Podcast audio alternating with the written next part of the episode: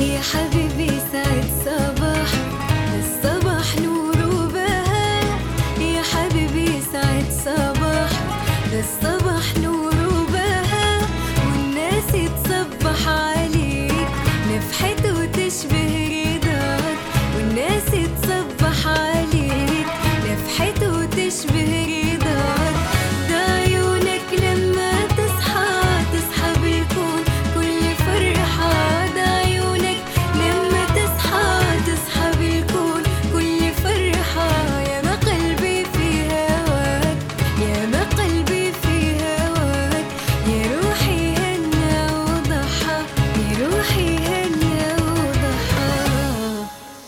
صباح, صباح الخير يا عدن.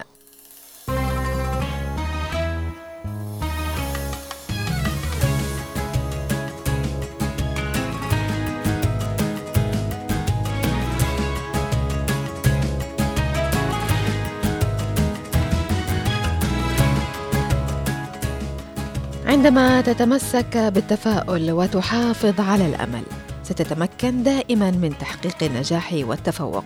فلا تدع الظروف تحكم حياتك. فالأمل والإيمان بالنفس هما ما يقودونك إلى النجاح. فالنجاح هو مسار يتطلب التحلي بالصبر والمثابرة والتفاؤل والإصرار. صباحكم أمل وتفاؤل وحب وسعادة بإذن الله.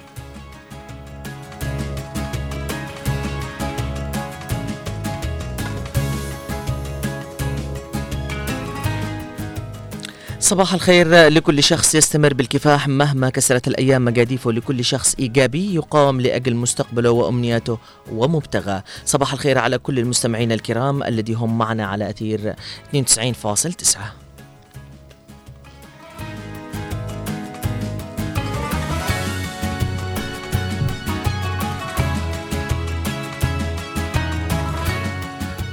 يسعد صباح كل المستمعين الكرام. يحيى وسهلا فيكم وإطلالة جديدة عليكم في برنامجنا الصباحي الذي يطل عليكم في هذه الساعة وحتى الساعة التاسعة في آه، هنا عدن اف ام وبرنامجنا الصباحي معي أنا غسان صلاح وزميلتي أماني مجمل وأيضا من الإخراج الزميل الرائع آه، نوار المدني ومن الإخراج التلفزيوني معنا الزميل أحمد محفوظ. كما نتوجه بالتحية أيضا للزميل المتواجد معنا في ال- ال play out زميلنا أيضا آه، في القناة.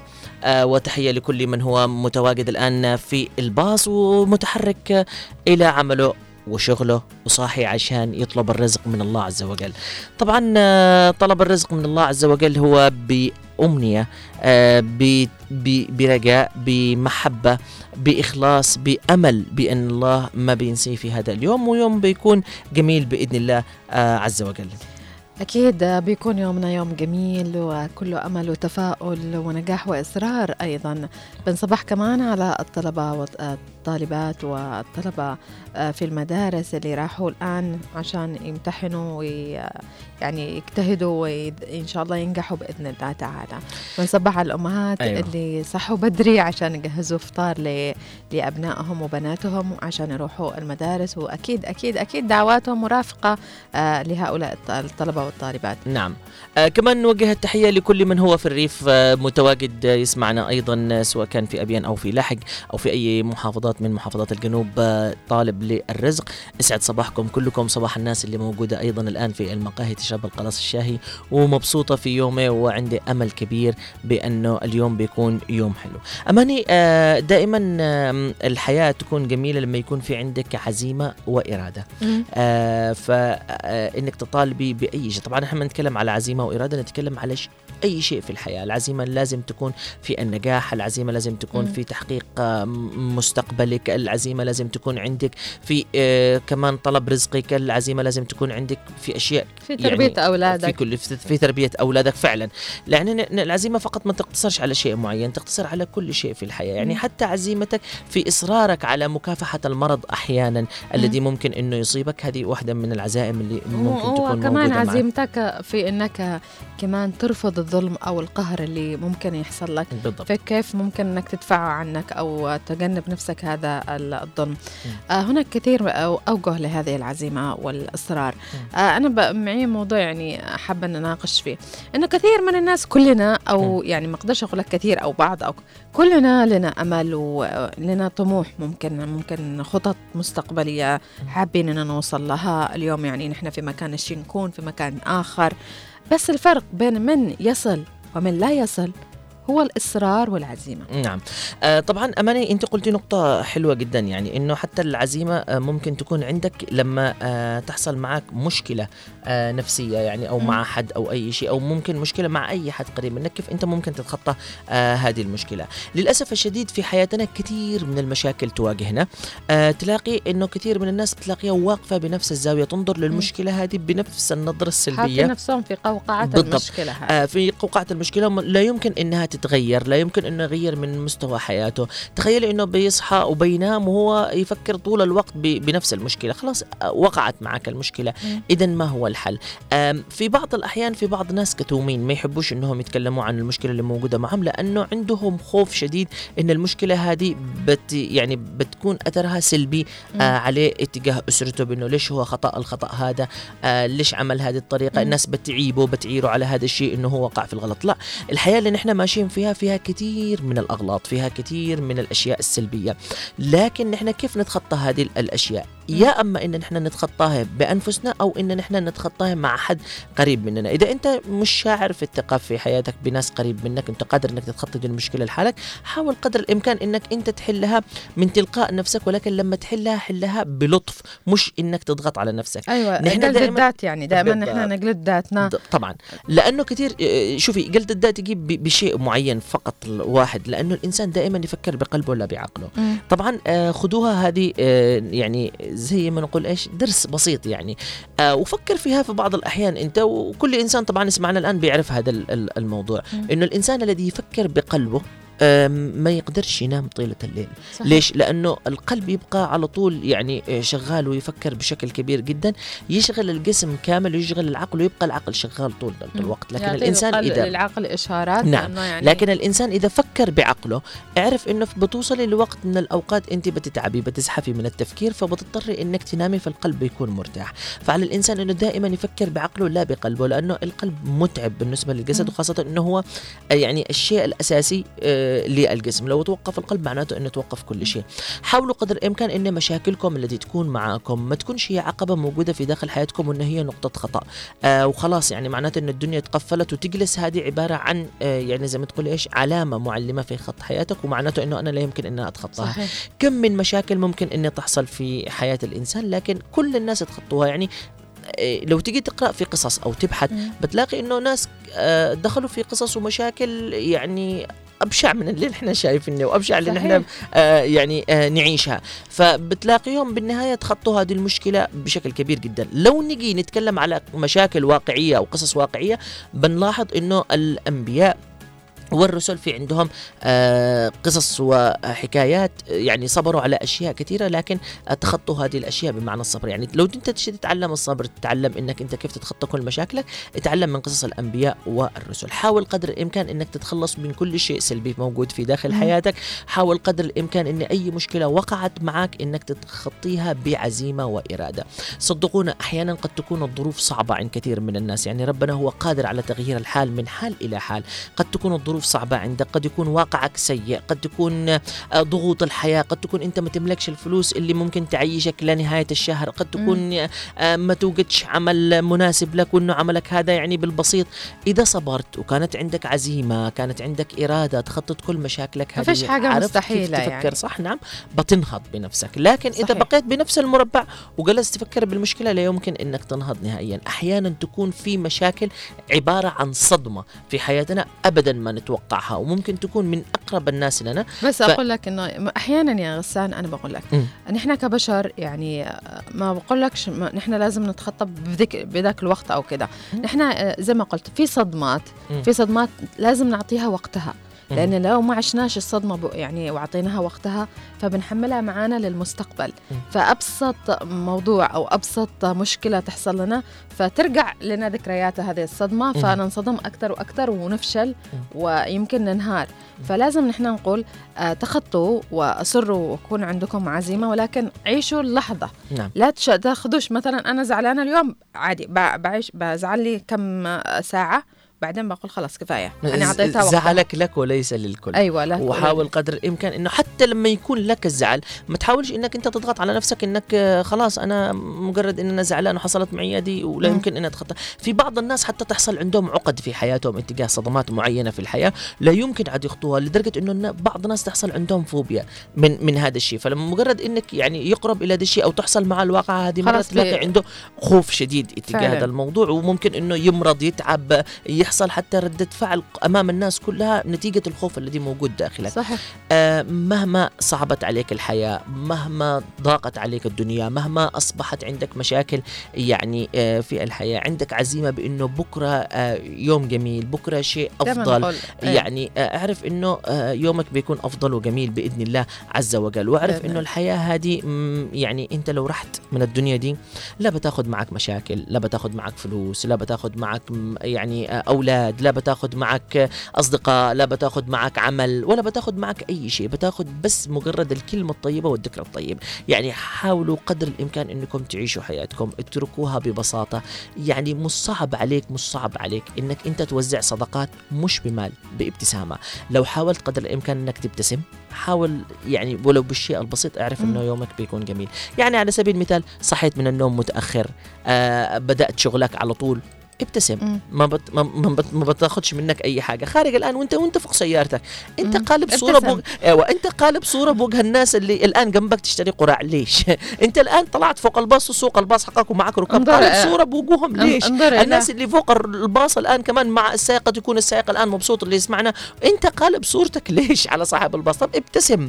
لأنه الابتسامة هي صدقة صدقونا هي صدقة. مم. ممكن إنك توزعها بدون أي مقابل. آه وصدقنا تنعكس على على الشخص الذي أمامك. لو بمجرد بس ابتسمت وقلت صباح الخير بوجه مبتسم بتلاقي الشخص الذي جنبك حتى لو يكون انهم يعني زي ما نقول نحن باللغة الدارجة المخده بقو بتلاقيه على طول يبتسم لك ويقول لك صباح النور. الرد الجميل دائما من القلب إلى القلب لأنه نحن ناس عاطفيين طبيعة النفس البشرية هي يعني عاطفية بشكل كبير جدا. فحاولوا قدر الإمكان إنكم تبتسموا.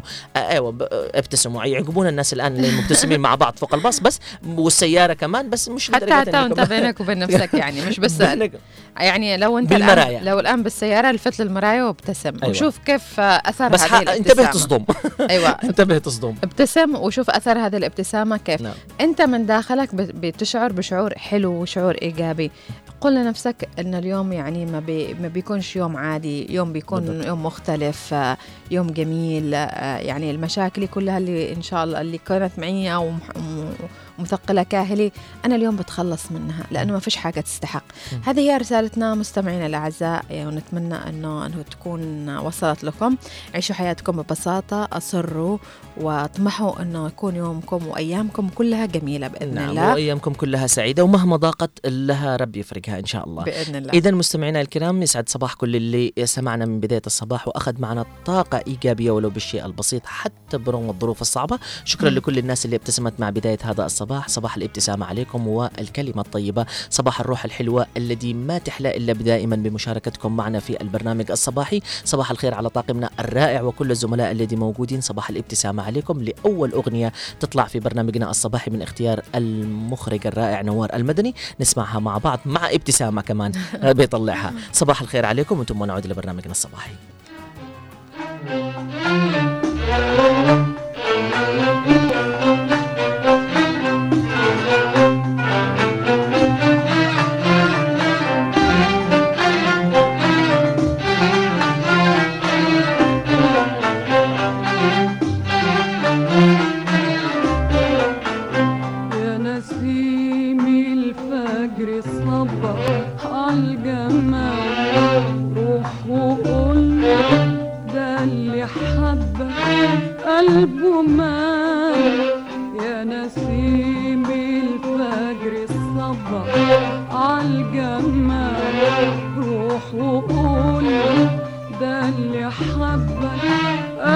woman.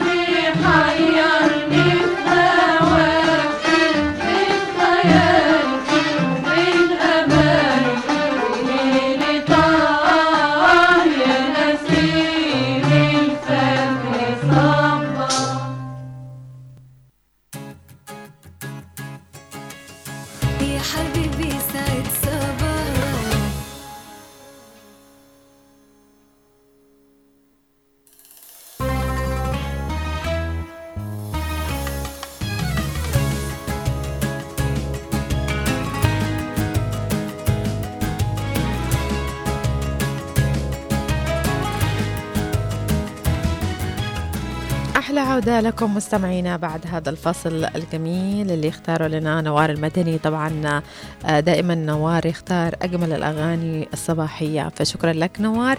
آه خلونا الآن نبدأ آه أولى فقرات برنامجنا الصباحي ونتعرف معا على أحوال الطقس والأجواء لهذا اليوم في محافظاتنا الجنوبية خلي غسان كده يقرأ لنا ال- الأجواء ونستمتع نشوف إيش بإذن درجات الحرارة اللي. نزلت واللي طلعت وهل هناك غيوم متفرقة بإذن الله. آه، صباح الخير عليكم آه، مستمعينا الكرام إلى أول فقرة فقره الطقس آه، أقرأها عليكم أنا من كل المحافظات الجنوبية ونعرف آه، سرعة الرياح وأيضا الرطوبه والطقس العام في كل محافظة.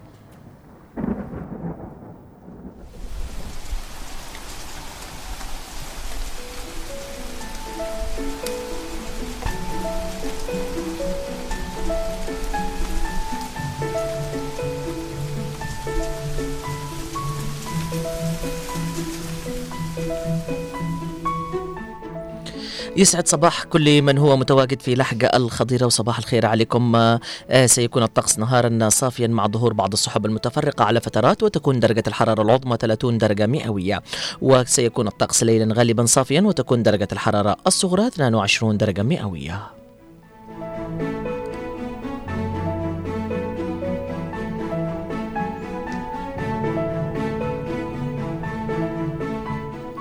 صباح الخير على من هم في أبين طقسكم اليوم. صافيا بالصباح مع ظهور بعض السحب المتفرقة على فترات وتكون درجة الحرارة العظمى 29 درجة مئوية. وسيكون الطقس ليلا غالبا صافيا وتكون درجة الحرارة الصغرى 22 درجة مئوية.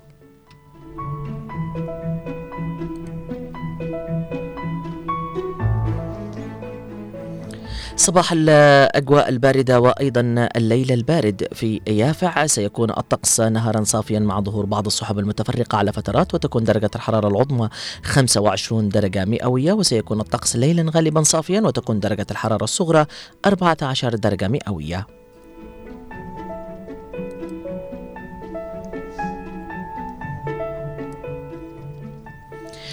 إلى جزيرة الجمال سقطرى سيكون الطقس نهارا غالبا آه، غائما وتكون درجة الحرارة العظمى 27 درجة مئوية ويكون الطقس ليلا غائما جزئيا وتكون درجة الحرارة الصغرى 20 درجة مئوية.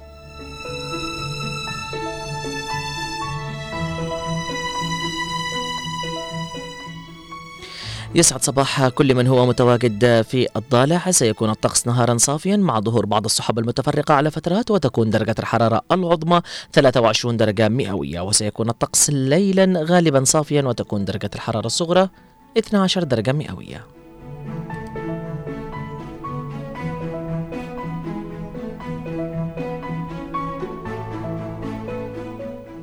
صباح الخير من يسمعنا أيضا في التطبيق من حضرموت. طقسكم لهذا اليوم. سيكون في الصباح متفرقة الغيوم على فترات وتكون درجة الحرارة العظمى 27 درجة مئوية وسيكون الطقس ليلا صافيا مع ظهور بعض السحب المتفرقة على فترات وتكون درجة الحرارة الصغرى 18 درجة مئوية.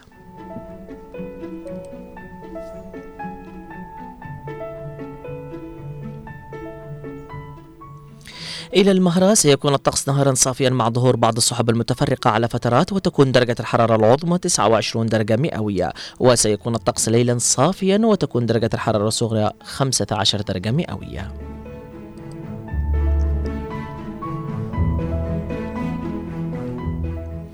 إلى عدن الحبيبة تم ملخص ال- النشرة ولكن قبل ملخص النشرة خلونا نعطيكم تفصيل. الأحوال الجوية صباحا سيكون درجة الحرارة 26 درجة مئوية غيوم متفرقة تستمر الغيوم متفرقة إلى فترة الظهيرة بنفس درجة الحرارة 26 درجة مئوية وتستمر أيضا إلى فترة العصر بنفس الدرجة 26 درجة مئوية وإلى مساء وتكون السماء غالبا صافية ب 26 درجة مئوية.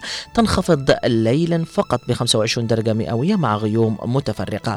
سرعة الرياح لهذا اليوم في عدن آه، صباحا شمالية شرقية 11 كم في الساعة ظهرا جنوبية شرقية 15 15 كيلومتر في الساعة وعصرا تكون جنوبية شرقية 16 كيلومتر في الساعة جنوبية شرقية أيضا 15 كيلومتر في الساعة مساء وتستمر إلى 15 كيلومتر في الساعة شرقية ليلا. والرطوبة في عدن مع بداية هذا الصباح 67 درجة آه، مئوية النسبة وأيضا ظهرا ستستمر إيه، أو تنخفض إلى 63 درجة مئوية ترتفع بدرجة واحدة عن فترة الظهيرة في العصر إلى 64 درجة مئوية ترتفع في فترة المساء إلى 71 درجة مئوية وليلا الرطوبة النسبية تكون 73 درجة مئوية.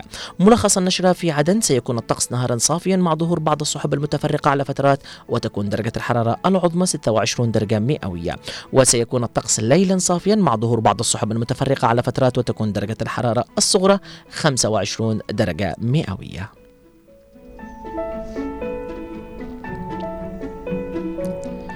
هذا كان ملخص الأحوال الجوية وأحوال الطقس لهذا اليوم في محافظتنا الجنوبية. نتمنى لكم نهار سعيد وقضاء وقت ممتع لهذا اليوم بأجواء اليوم الذي بتكون موجودة وربنا يعين كل الناس أيضا الذي في المحافظات الباردة.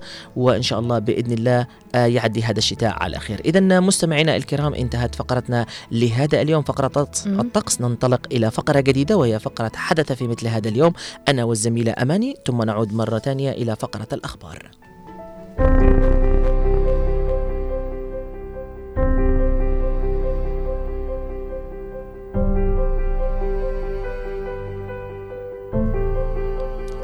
حدث في مثل هذا اليوم في الثالث عشر من ديسمبر.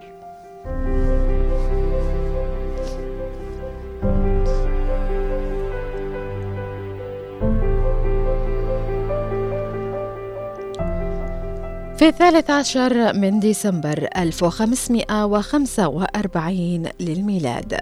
انعقاد مجمع ترنت. وفي مثل هذا اليوم من عام 1642 المكتشف الهولندي أبل تاسمان يصل إلى نيوزيلندا.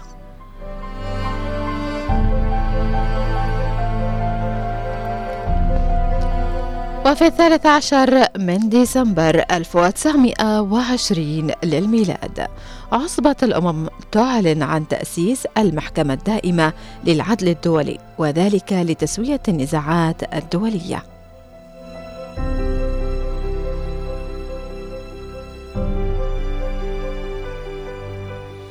وفي مثل هذا اليوم من عام 1947 مقتل 12 فلسطينيا بعد أن ارتكبت كتيبة يلماح الثالثة مجزرة بقرية حساس وذلك أتى الرشوب خلاف بين عمال عرب ومستوطنين.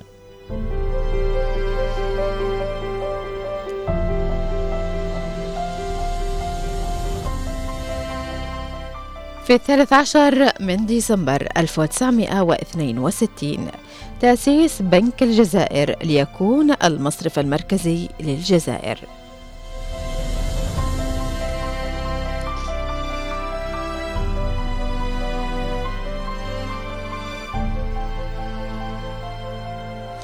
وفي مثل هذا اليوم من عام 1970 الإعلان عن قيام الجمهورية في مالطا التي كانت قد حصلت على استقلالها في العام 1964 كمملكة مستقلة وصدر لها دستور جديد مع استمرار مملكة بريطانيا إليزابيث الثانية على التأسيس.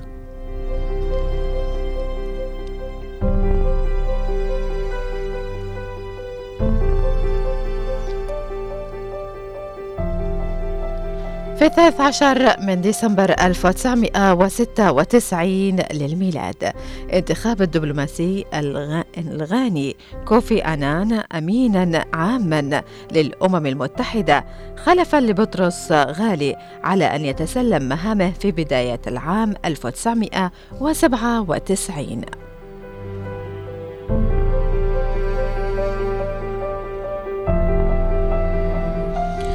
وفي مثل هذا اليوم من عام 2004 إسرائيل تغتال قائد كتائب القسام في شمال الضفة الغربية المهندس القسامي السادس إحسان شوهانا.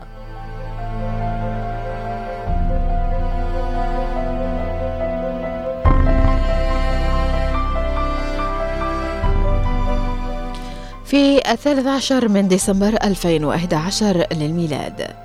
رفع علم فلسطين على مقر منظمة اليونسكو في باريس وذلك بعد قبولها كعضو كامل في المنظمة التابعة للأمم المتحدة في 31 من أكتوبر 2011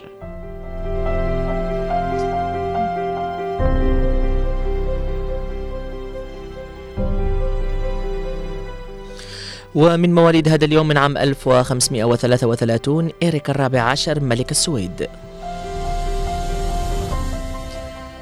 في مثل هذا اليوم في العام 1553 للميلاد ولد ملك فرنسا هنري الرابع.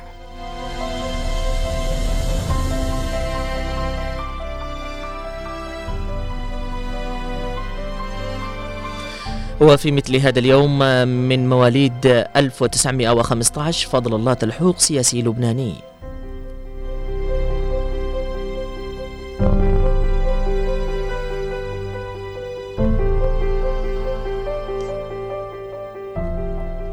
وفي الثالث عشر من ديسمبر 1929 للميلاد ولدت الممثلة المصرية كاميليا. وفي مثل هذا اليوم أيضا من مواليد 1934 إحسان كمال روائية مصرية.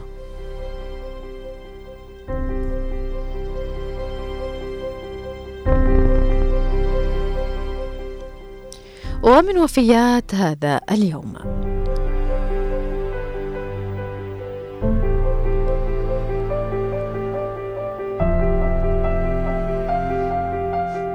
في الثالث عشر من ديسمبر 1048 توفي أبو الريحان البيروني عالم الرياضيات وفيزياء وفلك مسلم.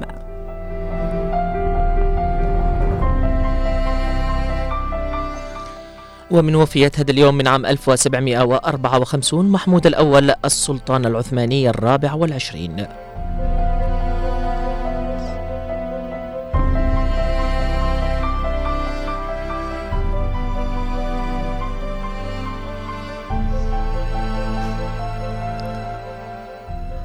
في الثالث عشر من ديسمبر 1972 للميلاد.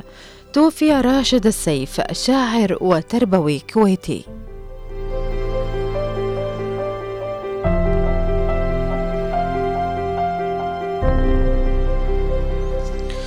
ومن وفيات هذا اليوم عام 2016 زبيدة ثروت ممثلة مصرية.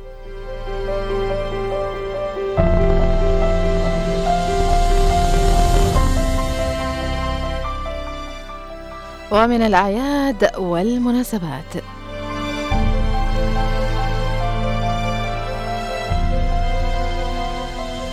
من الأعياد والمناسبات لمثل هذا اليوم عيد الجمهورية في مالطا.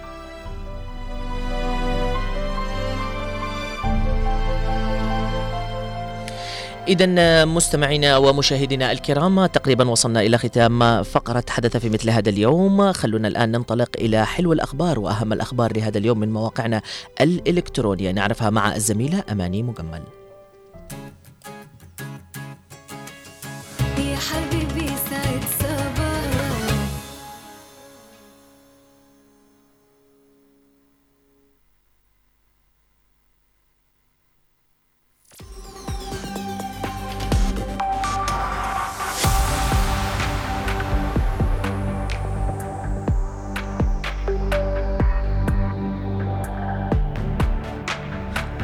أهلا ومرحبا بكم مستمعينا ومشاهدينا في كل مكان إلى فقرة حلو الأخبار الذي نتجول فيها معا بعدة مواقع أخبارية لن- لنقرأ لكم أجمل الأخبار.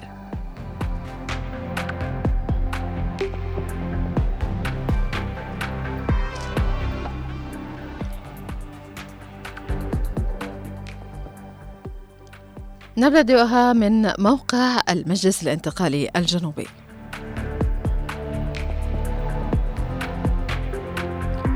الرئيس الزبيدي لن نسمح بأي تجاوزات تمس القضاء واستقلاليته.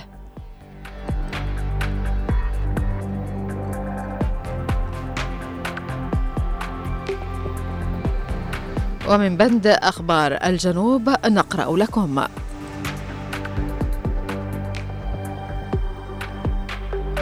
رئيس تنفيذية انتقال لحج يلتقي رئيس اتحاد الفنانين الجنوبيين بالمحافظة. وتنفيذية انتقال حاد تعقد اجتماعها الدوري لشهر ديسمبر. وانتقال عتاق يختتم دورة تدريبية في أساسيات أنظمة الكمبيوتر وتطبيقات الأوفيس.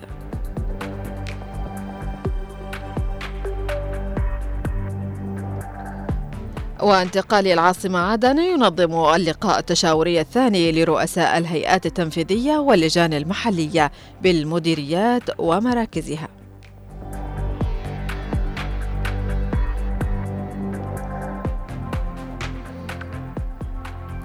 رئيس تنفيذية انتقال لحج يلتقي مدير عام صندوق الرعاية الاجتماعية ورئيس نقابة المعلمين الجنوبيين.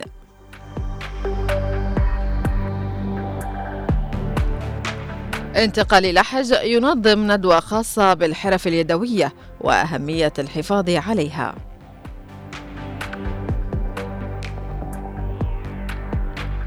ورئيس تنفيذية انتقال المهرة يلتقي إدارة فريق الدفاع بنادي شباب سيحوت ومدير مكتب التنسيق والاتصال لأبناء سقطرى بالمحافظة.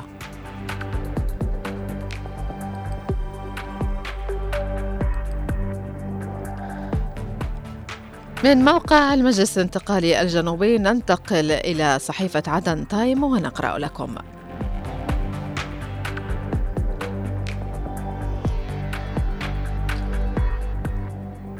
إنجاز مشروع مبنى الوحدة الصحية بمنطقة الصلولي في الملاح.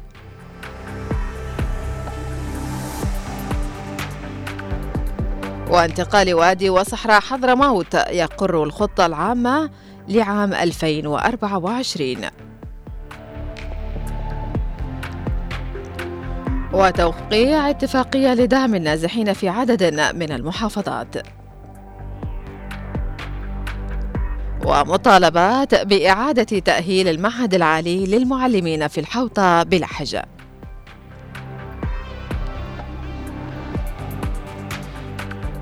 ولحج أيضا توقيع اتفاقية بين يمن سوفت ومستشفى ابن خلدون العام.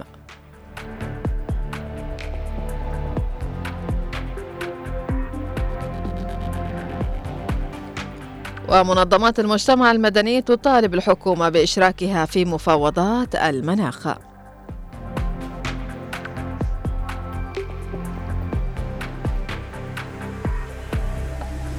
لحج وصول 400 ألف شهادة نقل لمرحلتي التعليم الأساسي والثانوي. وإنجاز جديد بقطاع الطرق في شبوة.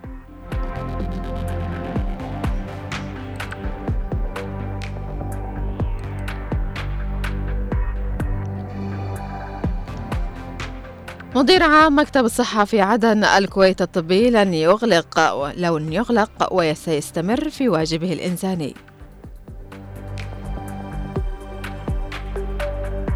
ومشروع طريق حيوي في عدن على طاولة وزيري الأشغال والنقل. ومصافي عدن تستأنف تشغيل وحدة إنتاج الإسفلت. وتدشين مركز التحكيم التجاري الدولي في عدن.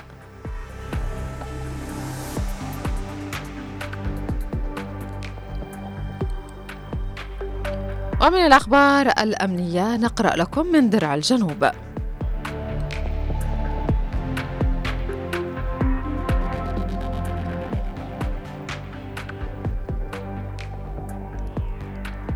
العميد الكاظمي يقول الرئيس الزبيدي الداعم الوحيد لنا بعد تنصل وزير الداخلية.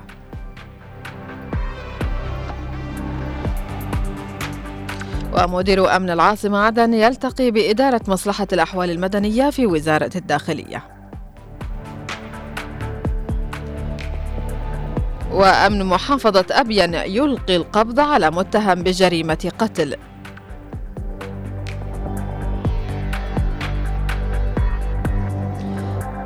إلى هنا مستمعينا ومشاهدينا في كل مكان نكون قد قرأنا لكم أهم الأخبار الإيجابية لهذا اليوم. طبعا هناك العديد من الأخبار الإيجابية هي سفلة الطرق دعم مستشفيات في لحج وأمور إيجابية كثيرة. نتمنى أن نقرأ دائما الأخبار الإيجابية ويكون في هناك تطورات في أخبار المحافظات. آه نعم آه، أماني. آه اذا دعينا الآن نستقبل يعني مراسلنا من آه، محافظة الضالع ونعرف عاد أهم ينطبخ. الأخبار. بإذن الله نعرف إنه ينطبخ. نعرف أهم الأخبار طبعاً التي الضالع- متواجدة في الضالع أكثر المحافظات الجنوبية آه، يعني البرد اليوم بيكون فيها قارس طبعاً. درجة الحرارة بتوصل إلى 14 أيوة. درجة مئوية. الضالع ويافع تقريبا هم أبرد منطقتين يعني بس الضالع يعني الضالع. أبرد. أبرد بكثير اليوم يعني. إحنا اليوم بنسأله كيف يسووا إيش ال- الأكلات ال- اللي المتبعة نعم قد يكون هو طبعا عندهم الأكل آه، معروف عندهم العصيد يعني آه، مم. هي الأكلة الأكثر لأنه تقريبا هي معتمدة على ال- الدقيق بشكل كبير جدا والماء يعني مم. معروفة أكلة العصيد إن هي أيوة في شيء تعطي دفء في يعني اكلات. أيوه في أكلات تدفي يعني وتحس إنها لازم تاكلها الصباح عشان يبدأ يومك صح لا فتختلف من محافظة إلى محافظة لأنه لأنه في كثير من الناس عفوا لو قطعتك أماني في كثير من الناس آه، حتى في دول برا يعني الدول التي. تعاني من شدة البرودة في وجبات يعني في الشتاء وفي وجبات صحيح. في الصيف يعني في أكثر الناس في الشتاء آه، ما يستخدموش عادة العدس ومشتقات ال- مم. ال- يعني البقوليات هذه آه، في بلدان برا يعني تلاقيهم آه، في في فترة الشتاء تلاقيهم قريبين إلى الفول إلى العدس إلى الفاصوليا يعني آه، أي حاجة من الحبوب تلاقيهم دائما يأكلوها لكن في فترة الصيف يهربوا منها بشكل كبير جدا فنحن كذلك نفس الشيء بس إنه يعني مناخنا؟ نص نص فتلاقي إنه مش مش نحن وجباتنا هي هي هي نفسها أيوه ما لأنه نفس الطقس عندنا تقريبا هو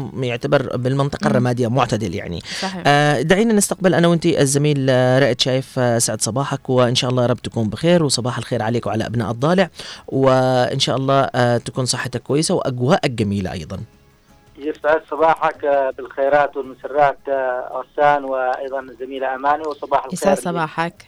مستمعينا عبر أثير إذاعة هنا عدن. يسعدك يا رب. طبعا اليوم جالسين أنا وغسان نقول على إنه البرد الأجواء اليوم باردة عندكم. اليوم نعم. نحن قرأناها حالة الطقس ونشرة الطقس ففي الضالع اليوم بتكون شديدة البرودة فالله يعينكم. آه، حابين نسألك آه، إيش ال- الأكلات اللي تأكلوها يعني يعني في- وجبات في معينة هل في الشتاء؟ تختلف عن الصيف؟ نحن نحن نعرف إنه العصيد هي ال- الوجبة الدائمة يعني في الضالع. نعم. لكن هل في وجبات معينة يعني تستخدموها في الشتاء يعني تساعدكم على الدفء؟ آه، نعم غسان وأماني أكيد الأجواء الشتوية مم. تواصل هنا بالضالع و ألو؟ نعم أيوة، معك معك. رايد ألو؟ نعم أيوة، نحن نسمعك.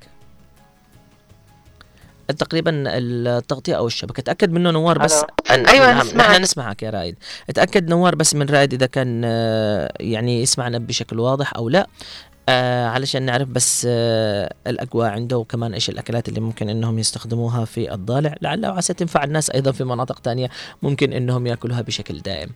آه رائد آه شايف الآن متواجد معنا في الخط بس نتأكد من من الشبكة. أماني آه طبعا أنت في الشتاء عادة إيش تستخدمي من وجبات؟ طبعا تقول ليش والله لأنك أنت في عدن يعني يعني آه تشيني الآن يعني أقول لك من- نفسه. بس أنا سمعك دي الأيام إنه كثير عدس عدس يعني. آه. لا عدس. diet لأني ها okay تمام لأنك أنت مستخدمه برضه حلو شوفي العدس كويس يستخدموه كثير من الناس عشان أيوة في له يعني. فوائد كثيرة العدس أيوة. آه يعني فوائد كثيرة فيعني ينحف ويعطي لك بروتين قوي. لأنه. عنده يعني يكون في البروتين في العدس بروتين آه كمان يعطي لك شبع لا خاصة في الشتاء يعني تحس إنك أنت دائما تجوع مهم.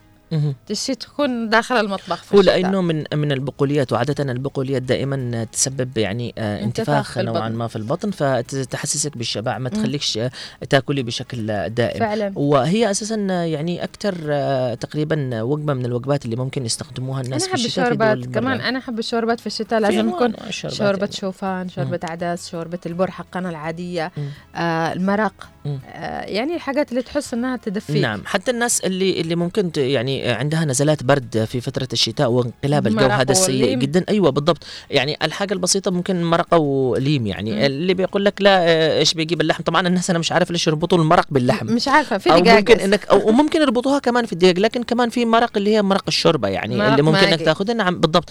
آه عليها جزر كوسة بطاطا خفيفة كده. آه فيها نسبة توم مرتفعة أكثر آه ليمونة حامضة. دي ممكن تساعد يعني حتى ممكن إنها تعطيها لأولادك بشكل دائم صحيح. مستمر مع الغداء. حتى ولو يومين في في الأسبوع. يعني أكيد إن اضعف أضعف يعني ناس ببيت ممكن تلاقي إنه في نهاية ال- الأسبوع ممكن تكون عندهم يعني دقاقة صغيرة وكذا. قلت هنا- تتحول. نعم زي ما قلت. في هناك كثير من الشوربات السريعة. ممكن إن إحنا نحضرها في البيت بدون أي دقاق بدون أي لحم. تكون يعني فيها فوائد كثيرة وتقينا من ب- برودة الشتاء.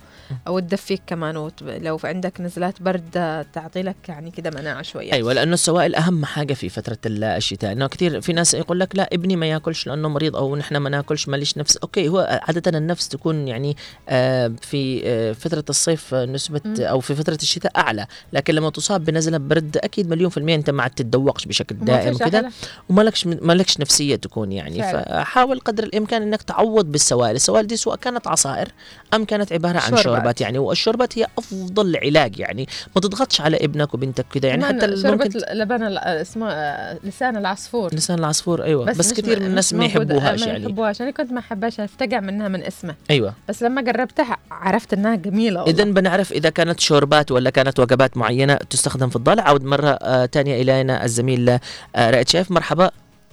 يا صباح الخير. صباح الخير والعافية عليك. نحن نعرف إن الشبكة قد تكون سيئة. أهلا. وسهلا. نعم. مرة أخرى رائد. رائد ده خلينا نرجع لكلامنا. نشي نتعرف على الأكلات اللي ممكن إنكم آه، يعني تاكلوها أو تخفف عليكم. معاناة البرد. بكل تاكيد ال- الأكلات وأيضا المشروبات الساخنة هي. آه، هي المتناول لكل ال- المناطق. هنا في الضالع أيوه آه، الصباح كما أشرت في آه، لازم كوباية الشاي هذه مم. وفي أيضا العصير في وقت الظهيرة. وكل الوجبات الساخنة هي المفضلة مم. مهم. في هذا الأجواء نعم نعم. آه طيب آه يعني ما هي مش خارجة نفس ما كنا نحن عارفين فقلت لك العصير هي حاجة أساسية. أيوة. آه رائد آه حب آه حابين آه، يعني نعرف أهم الأخبار اللي موجودة عندك في محافظة آه الضالع ونعرف أهم الأخبار أيضا الايجابيه والمستجدات الجديدة. آه، بكل تأكيد آه، سان وأيضا أماني رصدنا العديد من المستجدات ونحاول استعراضها معكم. وأيضا مع مستمعينا الكرام في هذه الإطلالة الصباحية. آه، نبدأ من اختتام فعاليات الدورة التدريبية التي نفذتها الهيئه الدولية للصليب الأحمر. في مجال القانون الدولي آه، استهدفت رؤساء عمليات الوحدات العسكرية لمحور الضالع طبعا الدورة اختتمت يوم أمس الثلاثاء بحضور رئيس انتقالي المحافظة رئيس العمليات العسكرية لمحور الضالع القتالي العميد عبد الله مهدي سعيد وأيضا. بمعيه ركن التدريب المحور العميد عبد الله الشعيبي. هذه الدورة استمرت لمدة يومين وأيضا هدفت إلى تطوير مهارات وقدرات المشاركين في مجال ال- القانون. مم. آه، اختتمت أمس الأحد أيضا أو يوم قبل ال- قبل يومين في محافظة الضالع فعاليات حملة مناهضه العنف ضد المرأة.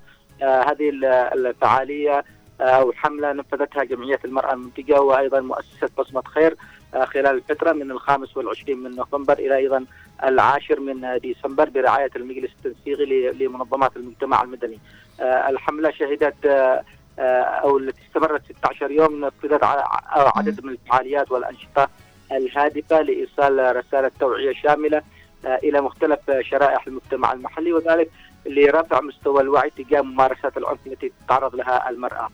آه، نختم هذه المستجدات الخفيفة من مديرية الازارق وهناك دشنا مدير عام مديرية الأزارق المحامي علي هادي الحسني آه، بمعية وكيل المحافظ الشيخ محمود عواس آه، وحضور أيضا آه، مديرة ادارتي الزراعة والأمن بالمديرية توزيع شبكات ال- الري وأيضا ملحقاتها لعدد آه، 45 مزارع من أبناء المديرية هذا المشروع ينفذه الصندوق الاجتماعي للتنمية بالعاصمة عدن. وأيضا بتمويل من الصندوق الدولي للتنمية الزراعية إيباد. قد نختم من ما من اجتماع عقدته الهيئة التنفيذية لانتقال المحافظة يوم أمس الأول آه. اجتماع ناقش جملة من مستجدات آه، ذات الشأن بالقضايا أو ال- ال- الأوضاع المحلية هنا في المحافظة مم. والتي تهم المواطنين على وجه الدقة والتحديد استمع رئيس انتقال المحافظة العميد عبد الله مهدي سعيد بمعية أيضا نائب الأستاذ قاسم صالح ناقي من رؤساء الإدارات أو مدراء إدارات ال- التنفيذية هنا بالمحافظة وأيضا رؤساء المجلس على مستوى المديريات لجملة من الصعاب التي تعترض سير عملهم وحثهم على الانفراد في في القرب من مم. المواطنين آه، وحلحله بعض الإشكاليات ال- العالقة هنا نعم. آه هذه هي المستجدات. آه طبعا مستجدات جميلة جدا. نتمنى آه لمحافظة ضالع آه كل خير بإذن الله وتكون دائما تنشط دائما بهذه آه الأنشطة والمستجدات. شكرا لك آه رائد وصباحك سعيد. شكرا لك. آه تقريبا أهم الأخبار آه لهذا اليوم من آه الضالع هي عبارة عن كلها دورات تدريبية وأيضا مم. الحملة 16 آه، لمناهضة العنف ضد المرأة. كانت آه، في رسالة واضحة اتجاه رفع مستوى آه، الوعي آه، اتجاه العنف ضد المرأة في داخل محافظة الضالع. كانت الحملة هذه متواجدة كمان الدورة التدريبية اللي كانت الوحدات العسكرية. آه يعني مجمل أخبار إيجابية في نهوض آه يعني آه تنموي رائع في آه الضالع وأيضا تدريبي رائع أيضا.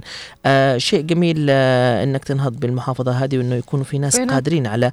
العمل لرفع مستوى التنمية والوعي في داخل المحافظة شكرا رائد يعطيك الصحة والعافية اذا آه مستمعينا الكرام تقريبا معنا الآن فقرة وهي فقرة مهمة جدا فقرة النشاط والحيوية مع الكابتن خالد هيثم كما نذكركم أيضا بموضوع حلقتنا لهذا اليوم اليوم آه بنغادر برحلة إلى محافظة آه، حضرموت إلى سيئون بالتحديد ونتعرف في. حلقتنا لهذا اليوم عن إنجاز مؤسسة الغيث آه، في خلق مساحة إبداعية وريادية جمعت بين الفن وتطوير العمل الإنساني. بنعرف حول هذا الموضوع أكثر وأيضا نتوجه بالتحية إلى الزميل أسامة قريدان الذي يرفدنا دائما بأهم الأعمال المتواجدة. في محافظة حضرموت وأيضا المبادرات الجميلة. إذا مستمعينا الكرام آه، دعونا نستقبل الآن الكابتن آه، خالد هيثم نصبح عليه صباح النشاط والحيوية عليك كابتن ويا أهلا وسهلا فيك. صباح الفل طبعا غسان صباح الورد أماني صباح صباح. الياسمين نوار المدني أحمد محفوظ الاحبه في عدن صباحك فل بإذن الله. آه كابتن خالد آه مستعد ل آه أول حاجة قبل ما نستعد أشي أسألك سؤال؟ مهم. أسألك. تفضلي آه إيش ال- الوجبة اللي يعني تحبها أثناء آه فصل الش- الشتاء؟ والله شوفي أنا أنا في بي طبع يعني ما ما ما أحبش أغيره يعني أعتاد على ال ال ال مم. الأم- الأمور اللي أعتدت اكلها يعني ما أحبش أغير بما إنه في هناك علاقة مع بعض الوجبات وطبعا أم محمد. ربنا يسعدها ما تقصر آمين. آمين يا رب لكن نحن البدو نحب الخبز يعني أيوة أنا كنت بقول لك الخبز الطاوة أكيد الخبز هذا مع الشاي الحليب ما فيش زيه أكيد مفضل عندنا وربنا يعطيك الصحة والعافية. يا الله. سعدك كابتن يعطيك الصحة والعافية. إذا نحن سعيدين بتواجدك معنا. خلينا نبدأ معك الفقرة الرياضية.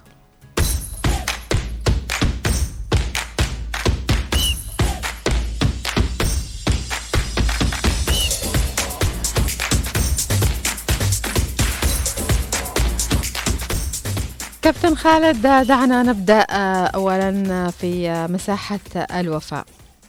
لك حاجة بالبداية أماني إنه أنا تفضل. آه، أقدم الشكر للحبيب غسان صلاح إنه الاهتمام بمساحة الوفاء وضعها على ال social media نعم. فيها آه، مساحة يعني آه، مضاعفة بأنه نحن أوفياء لهذه الأشياء نعم. وضعها على الس- ال social بصراحة أمر طيب جدا كان نعم. لأنه أنا ألاقي واجب. كثير من الارتياح من كثير من الناس المتابعين باعتبار أنه أقل شيء وأقل مم. من سوء ممكن أن اتعامل معه مع هذه الشخصيات مم.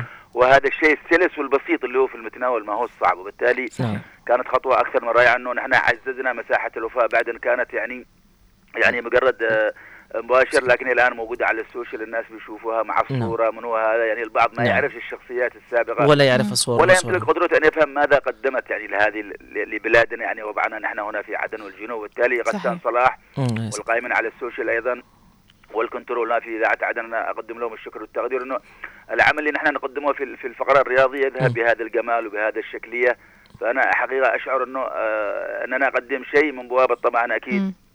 إذاعة هنا عدن دعني أتحدث اليوم غسان وأماني عن هكذا آه، شخصية وصفت بأنها موسوعة رياضية بمعنى أنه تعدد في الحضور الرياضي تعدد في الحضور المجتمعي أمتلك شخصية يضعها هنا ويضعها هناك ويذهب بها إلى مساحة أخرى. وبالتالي عندما نتحدث عن حسين إبراهيم النجاشي حقيقة في الذكرى الثانية عشر لرحيل نتحدث عن آه، اسم منحنا آه، توثيق منحنا أشياء ما زالت موجودة يطلع عليها الجميع هو هو لاعب طبعا مر من ألعاب من رفع الأثقال يعني كرباع ثم ذهب أيضا ليكون مدرب لألعاب القوى في نادي وحدة عدن وأيضا القوات المسلحة والمنتخبات الوطنية. يعني آه، التزم لدور تعدد آه، بدأ كمدرس ثم انتقل إلى أمور أخرى ارتبطت بكثير من معطيات الدور القيادي حتى وصل انه يكون قبل طبعا وفاته كان مدير مكتب الشباب والرياضة في عدن. وبالتالي هذا الحوار الجميل اليوم نحن مم. يعني لا نقول نغازل ولكن نتذكر هذه المعطيات غسان آه، أماني ب- بحب بانتماء بأنه هناك من التزم لدوره البعض يكتفي في الحوار الرياضي بمساحة معينة لأنه. قدراته هنا لكن مثل هؤلاء الناس حقيقة حسين النقاشي أنه امتلك قدرة أن يكون متميز آه، بألوان متعددة بشخصية أيضا تجيد ان تكشف آه، قدراتها هنا وهناك وبالتالي. أنا يعني أحيانا ربما أسهب في الموضوع مع إني ما ما ارتبطش بهذه الشخصيات غسان. هم طبعا تجاوزوني بالعمر بكثير لكن نعم. أنا يعني من خلال الاطلاع كرياضي كإعلامي أشعر إن هؤلاء حقيقة منحوا الأرض هذه يعني أشياء متعددة علينا أن نقف أمامها دائما بإعجاب وبتقدير وأن نترحم. عليهم دائما وابدا لأنه منحونا شيء اليوم ال ال ال الأرض هذه أعتقد إنه عجزت أن تأتي بهذه الشخصيات لأنه ما بعد العام 90 دمرت عدن والجنوب أصبح ال- ال- الشخصية التي هنا يعني تعامل بإهمال ب- بنوع من اللامبالاة وبالتالي أنا لا أريد أن أطيل لكن أتحدث عن حقيقة عن آه، حسين إبراهيم النقاشي وهو طبعا بين يدي ربه بعد 12 الله عام يرحمه. من الرحيل ب- بجمال الكلمات آه، بجمال المواعيد بجمال منسوب رياضي أيضا أرتبط بشخصية هذه الإنسان آه، ليرحم الله طبعا فقيدنا الكبير طبعا الأستاذ حسين إبراهيم النقاشي وكل من فقدناهم طبعا على هذه ارض الأرض الطيبة. نعم آه، هم كمان آه، يعني آه، ما كانوا فقط رياضيين يا كابتن يعني كانوا أيضا تربويين مثله يعني كان من الناس اللي قدموا لمنطقته وبلده أيضا ومحافظته بشكل كبير نعم، جدا. نعم أقول كان إنه- كان إنسان تربوي ودرس أيضا يعني بشكل كبير في الخارج نعم نال نعم دبلوم التربية الرياضية وهذا نعم. وفعلا ليس هذا أنا أنا فقط حاولت بقدر المساحة نعم. الممنوحه لكن مثل هؤلاء غسان يستحقوا حلقه يستحقوا. كاملة نعم وإحنا نحن الحمد و- لله إنه نحن في روح رياضية تناولنا مثل هذه الاسماء مم. وباذن الله تعالى في قادم الأيام سنتناولهم لن. لن نذهب عن هذه المساحة لأنه نحن بالنسبة لنا حق علينا حق علينا نعم. أن صحيح، واجب. بما قدموه نعم. لعدن نعم. العاصمة الجميلة. نعم. كابتن أنت آه، يعني اللي تقدمه في المجال الرياضي هو شيء جميل جدا وهذا آه، يعني آه، شرف لنا وكثير من الرياضيين محبين للبرامج الرياضي أو حتى الفقرة الصباحية الرياضية لأنه آه، فيها كثير من الإيجابية وفيها كمان أيضا كثير من التكريم. آه، يعطيك الصحة والعافية. كابتن خلينا نبدأ في الاختتام آه، مساء يوم الثلاثاء الثاني عشر من ديسمبر نادي الشعل الرياضي الثقافة وبطولة الشطرنج. خبرنا عن هذا الموضوع أكثر. نعم شوف غسان إحنا دائما نقول إنه في الأندية العاديه يجب ان يكون هناك حوار آه، مناشط آه، بعيد عن ال- ال- المناشط الرسمي يعني بمعنى إنه كل نادي يستطيع أن يقيم مسابقة ثقافية، مسابقة شطرنج، تنس طاولة في إطار الن- النادي في مساحة الجغرافيا المرتبطة به، وبالتالي اليوم عندما نقول إنه اختتمت يعني في نادي الشعلة بطولة الشطرنج الداخلية لأبناء النادي نتحدث عن شيء جميل. هناك لمة هناك جمع هناك قدرة على يعني جلب هؤلاء إلى ناديهم للقيام ب مناشط تذهب برسائل رياضية رسائل مجتمعية وبالتالي. نحن نحيي هذه البطولة طبعا التي كانت آه، اقيمت في نادي الشعلاء آه، عمر الخضيري نال المركز الأول آه، أيضا أمجد هاني في المركز ال- الثاني وأيضا هناك عبد العزيز هاني في المركز الثالث تم التكريم طبعا بحضور إدارة الشعلاء في إطار العلاقة التي يجب, يجب أن تبقى هكذا يعني ما بين وحقيقة أنه أنا يعني آه، أتحدث عن نادي الشعلاء آه، يعني آه، آه، غسان آه، علينا أن نعزي حقيقة نادي الشعلة لأنه هناك أيضا آه يعني النجيب العوق وكان رئيس نادي الشعلة. رحمة الله عليه وأسكنه الجنة. نبعث بالتعازي طبعا لأهله ولكل منتسبي نادي الشعلة آه بهذا المصاب الجلل. بإذن الله آه الله يرحمهم. آه طبعا آه كابتن خالد دعنا أيضا نتحدث عن اختتام آه بطولة كرة القدم لفرق الوحدات العسكرية للمنطقة العسكرية الرابعة.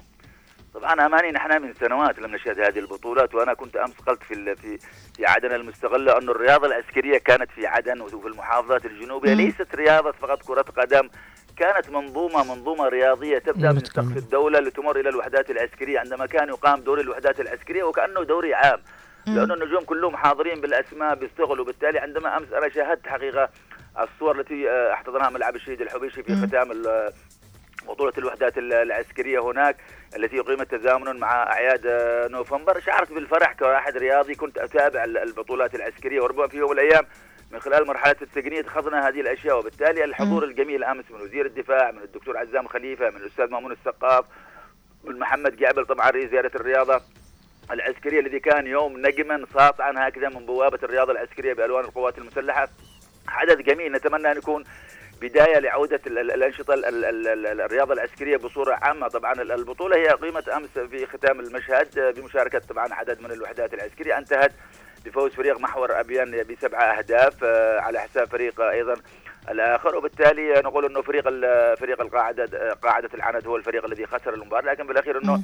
هو حدث مهم بالنسبة لنا.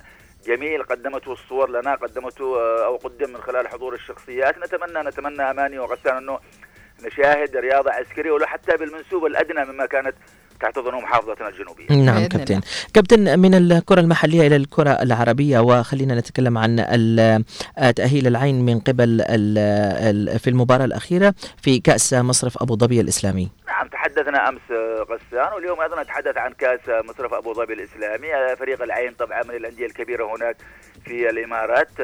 تأهل أمس أيضا إلى آه، نصف النهائي بعد أن فاز على ضيفه النصر ب 2 لواحد في إياب ربع النهائي. على استاد طبعا هيئه بن زايد وبذلك آه، بعد أن فاز كان ذهابا 2-0 آه، ضرب الموعد وأكمل أضلاع المربع الذهبي طبعا للبطولة التي ستقام أيضا بنظام الذهاب والإياب. آه، نحن أكيد العين سيواجه اتحاد كلبة والوصل مع الوحدة.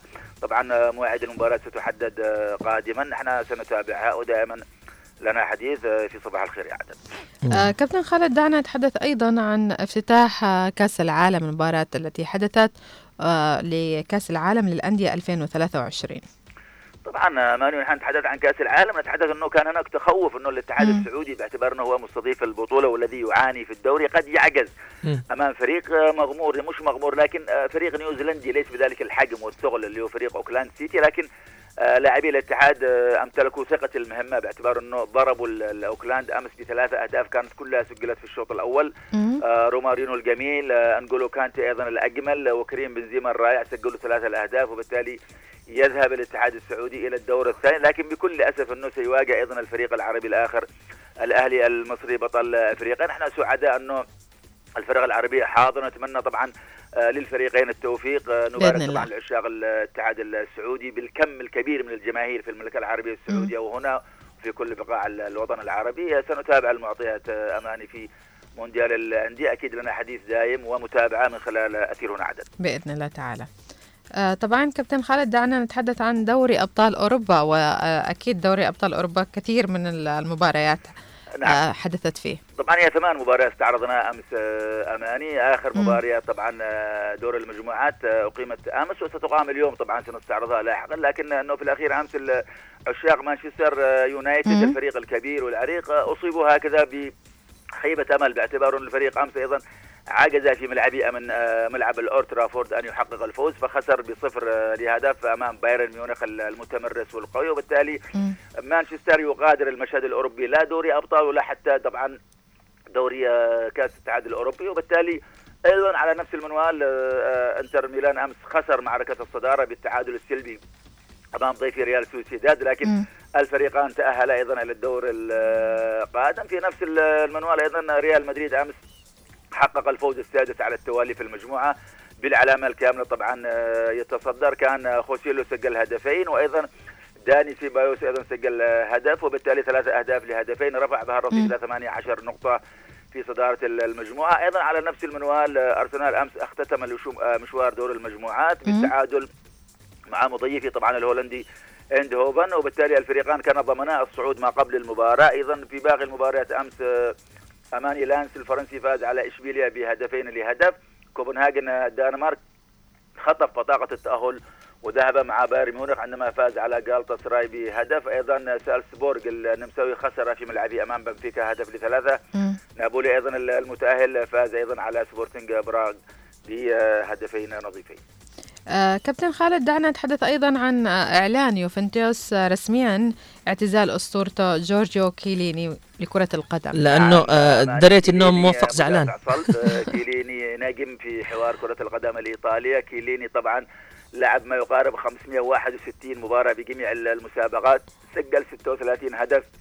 ساهم أيضا في تحقيق الدوري تسع. مرات وأيضا كأس إيطاليا. أيضا توج باليورو مع المنتخب الإيطالي. خلاص كرة القدم آه، عمر افتراضي عليك أن تشعر بأنه. حان وقت الرحيل. آه، كيليني طبعا أعلن الرحيل عن كرة القدم كلاعب ربما نشاهده في مواقع أخرى لكن مشوار لاعب حقيقة كبير. يعني استمتعنا بحضوره القوي كمدافع آه، في نطاق منظومة الكالتشيو اللي يقدمها طيب دائما الدوري الإيطالي. نتمنى لهذا اللاعب ما هو أجمل. أكيد نحن سنتابع محطاته القادمة بإذن الله تعالى. بإذن الله. طبعا عشان كده كان آه، موفق زعلان أمس.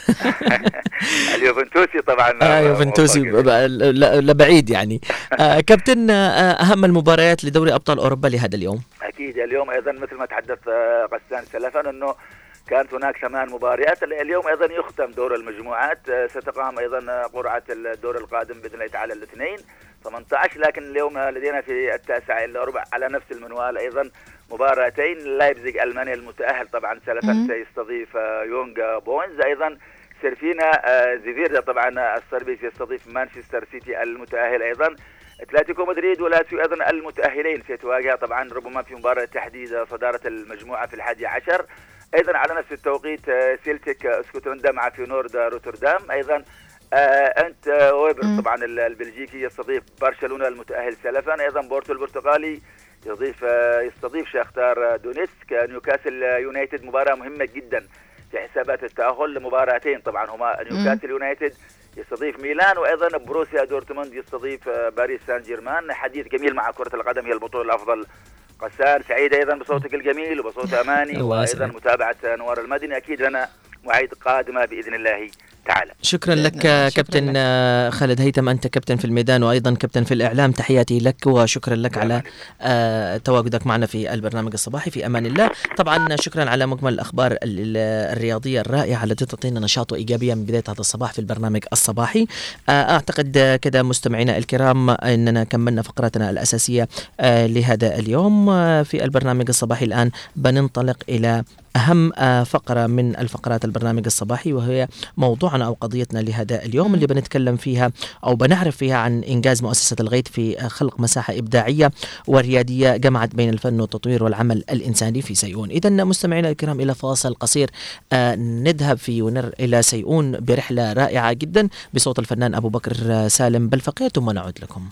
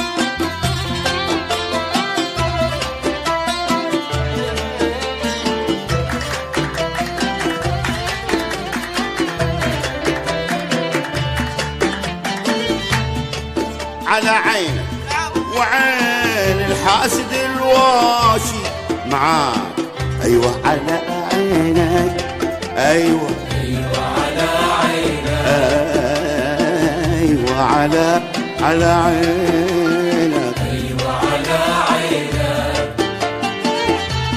أنا ما زلت من فوق ثريا والسماء. ما أعرفك وينك وينك. ما أعرفك وينك. ما اعرفك وينك عجب مالي يا راس تعادينا بلا حجة وتظهر لي عداك تعيش لي جاك؟ بالهوى ولا تسقين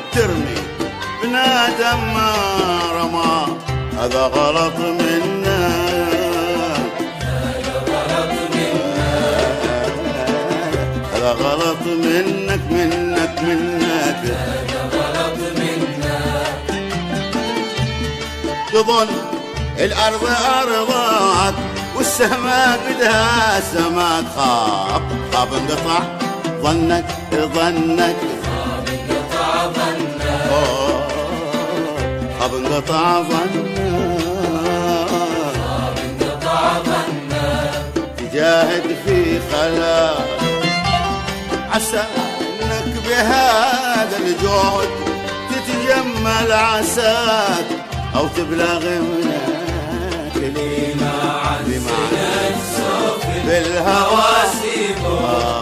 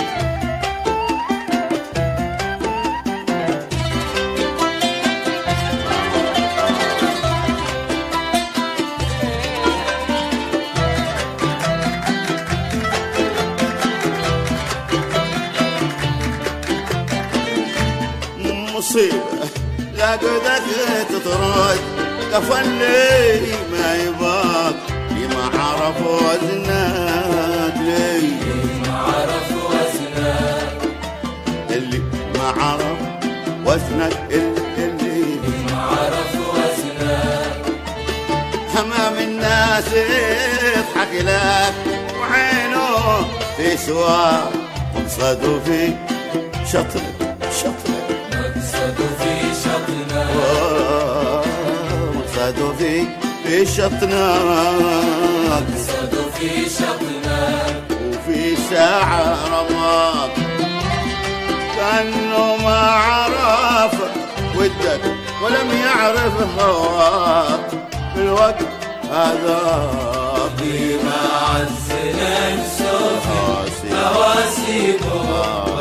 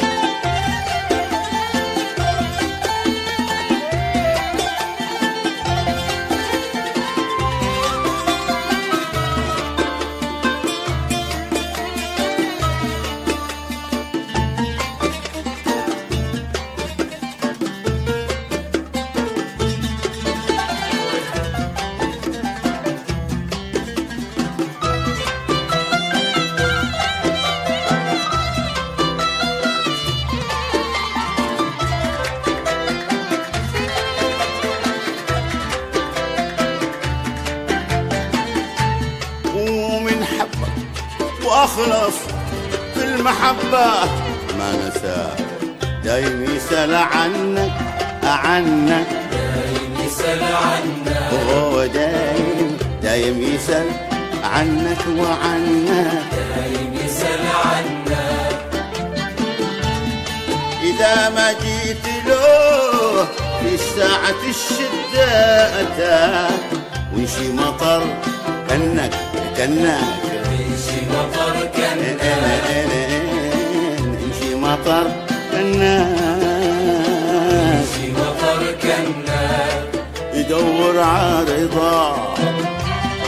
ولا يبخل بشيء والما طلبته قال هات أكرمك واعطاك بمعز نفسه هواسيبه ولا تسقيه.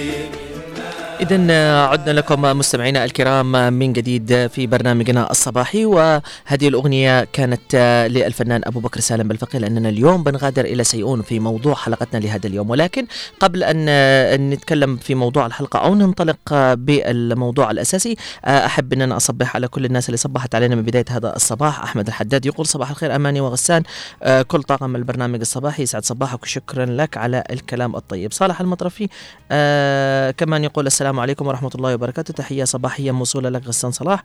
نورت البرنامج هذا نورك يعطيك الصحة والعافية. وأيضا آه عوض العبيدي يقول ألف تحية للكابتن خالد هيثم على اهتمام في مساحة الوفاء. شكرا لك. آه يعطيك الصحة والعافية ويسعد صباحكم كل الناس اللي تسمعنا عبر الأثير وتشاركنا في مواضيع حلقاتنا. إذا آه مستمعينا الكرام قبل أن نطلع بفقرتنا الأساسية حبينا أن نحن نحضر لكم موضوع بسيط يهمكم بشكل كبير جدا في الكثير من الناس. تعرف البرتقال ما تقدر تميز ما بين البرتقال واليوسفي. آه وكثير من الناس ما تعرفش إيش فوائد اليوسفي وممكن تقول لك أنا ما أحبوش ان أنا ان أنا أكله لأنه له نكهه آه يعني قوية جدا ولكن فوائده كثيرة جدا. ولا في فترة الشتاء كثير من الناس تعتمد عليه بشكل كبير جدا. تقريبا آه قبل الشتاء. نعم تكلمنا أنا وأماني على موضوع بعض الوجبات اللي ممكن إنك تستخدمها في الشتاء لكن الآن بنتكلم كمان على فاكهة ممكن أن تفيدكم بشكل كبير في الشتاء وتساعد أيضا على تقوية مناعتكم. خلونا نتابع هذا التقرير من اعداد الزميلة أماني وأيضا يقرأ لنا الزميل علي العمري. عن اليوسفي نسمع هذا التقرير. نعود إلى موضوع الحلقة.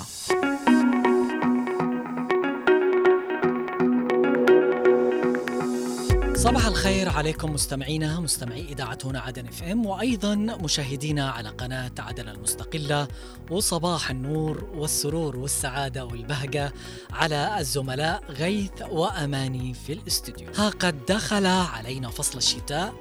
وعشان نعزز من مناعتنا هناك العديد من الأشياء الطبيعية التي قد نتناولها أو نشربها ومنها اليوسفي الذي يحتوي على نسبة عالية من الفيتامينات والعناصر الغذائية التي تعمل على تعزيز صحة الجسم وحمايته من الأمراض والفيروسات. كما أنه يعمل على تقوية المناعة والوقاية من نزلات البرد والعدوى. وأيضا يحتوي اليوسفي على الكربوهيدرات والألياف والبروتين أيضا على الدهون وفيتامين جيم وألف والبوتاسيوم. ومن فوائدها العديدة على صحة الجسم منها الآتي. يحمل مفاصل حيث يحتوي اليوسفي على نسبة عالية من مضادات الأكسدة وبعض الفيتامينات الأخرى التي تعمل على تعزيز صحة القلب والأوعية الدموية وحماية المفاصل من الالتهابات. تقوية المناعة قد يساعد فيتامين جيم الموجود في اليوسفي في حماية جهاز المناعة من الفيروسات والبكتيريا من خلال العمل على الخلايا التائية وهي نوع من خلايا الدم البيضاء التي تحمي الجسم. وتظهر في الأبحاث أن الفيتامين يؤثر على نمو الخلايا التائية ووظائفها ويمنع المسارات التي تؤدي إلى موتها.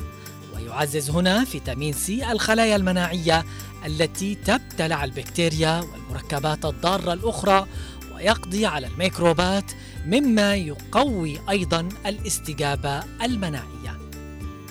أيضا يعمل اليوسفي على دعم صحة الدماغ.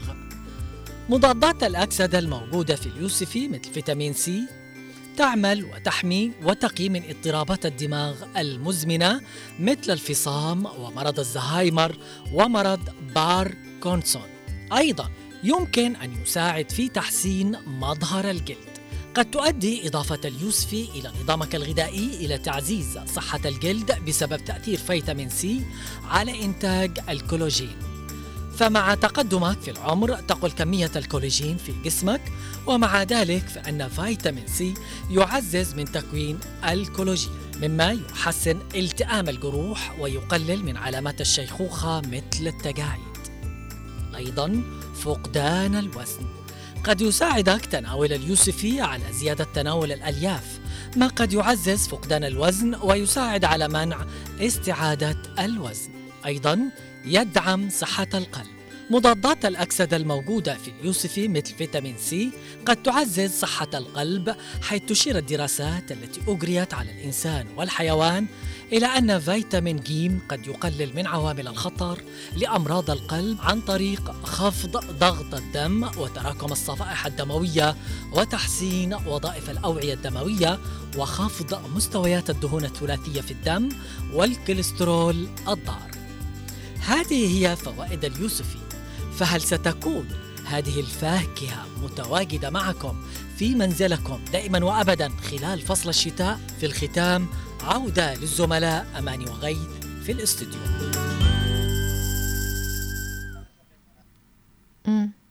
عدنا لكم مستمعينا الأعزاء يعني خلينا نغ- مع الهواء فخلينا آه، يعني نتكلم شوية. أنت تحب اليوسفي؟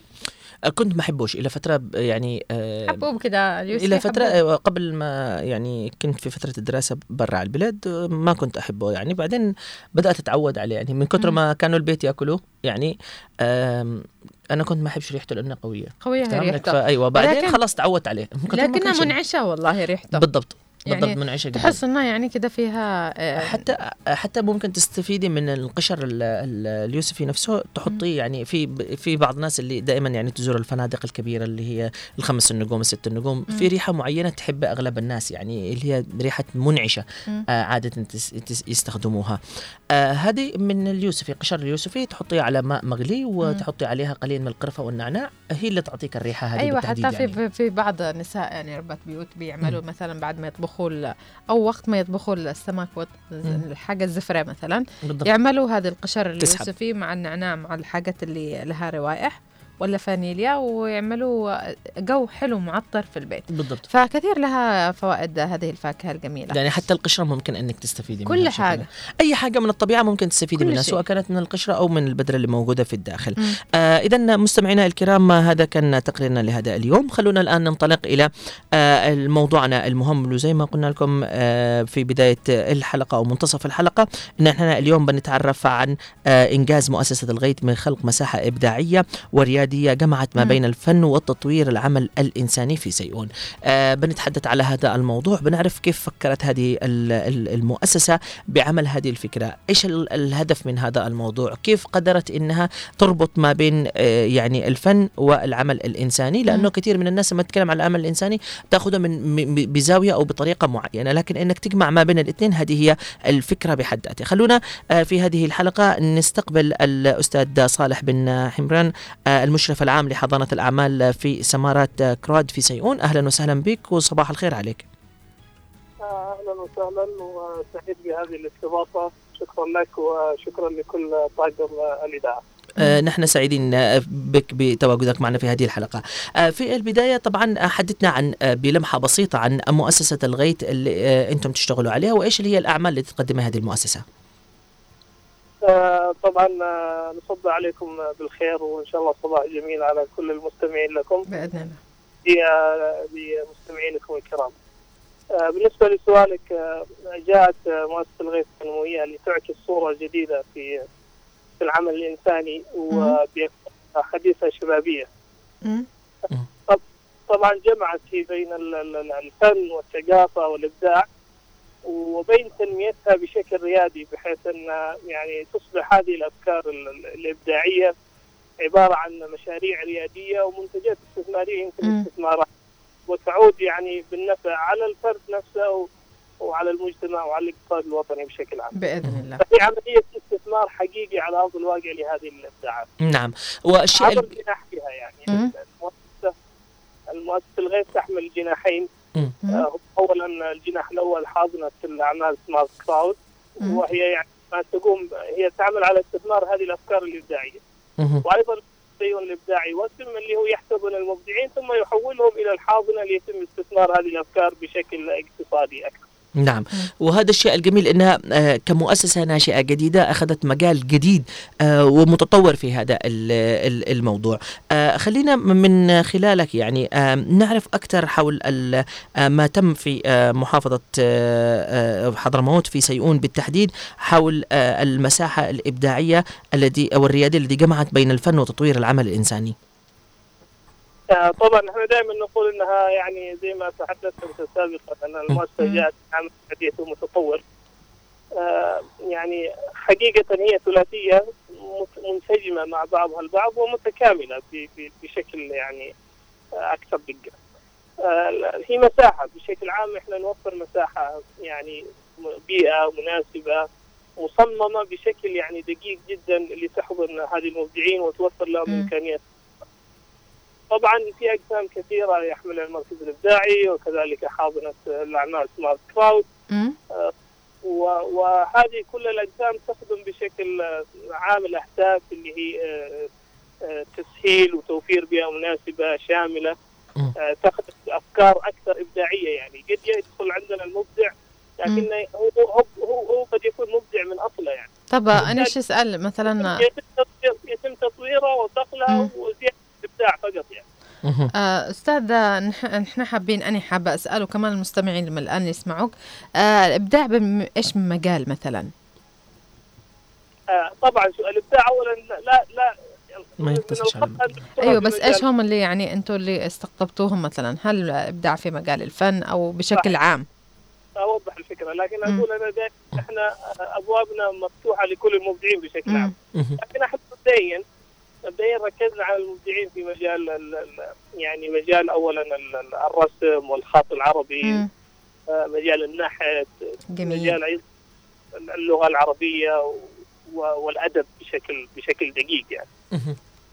لكن أيضا لا لا يعني لا نحصرها بهذه المجالات يعني إمكانياتنا والاقسام الموجودة في الحاضنة وكذلك في ال- في المركز الإبداعي تقدر أو تستطيع انها تتعامل مع كل المبدعين بكافة أشكالهم مم. نعم. آه طيب. نحن نعرف إنه في الكثير من الشباب قد يكون عنده يعني في أفكار إبداعية ولكن هو ليس بفنان يعني أو شخص مبدع.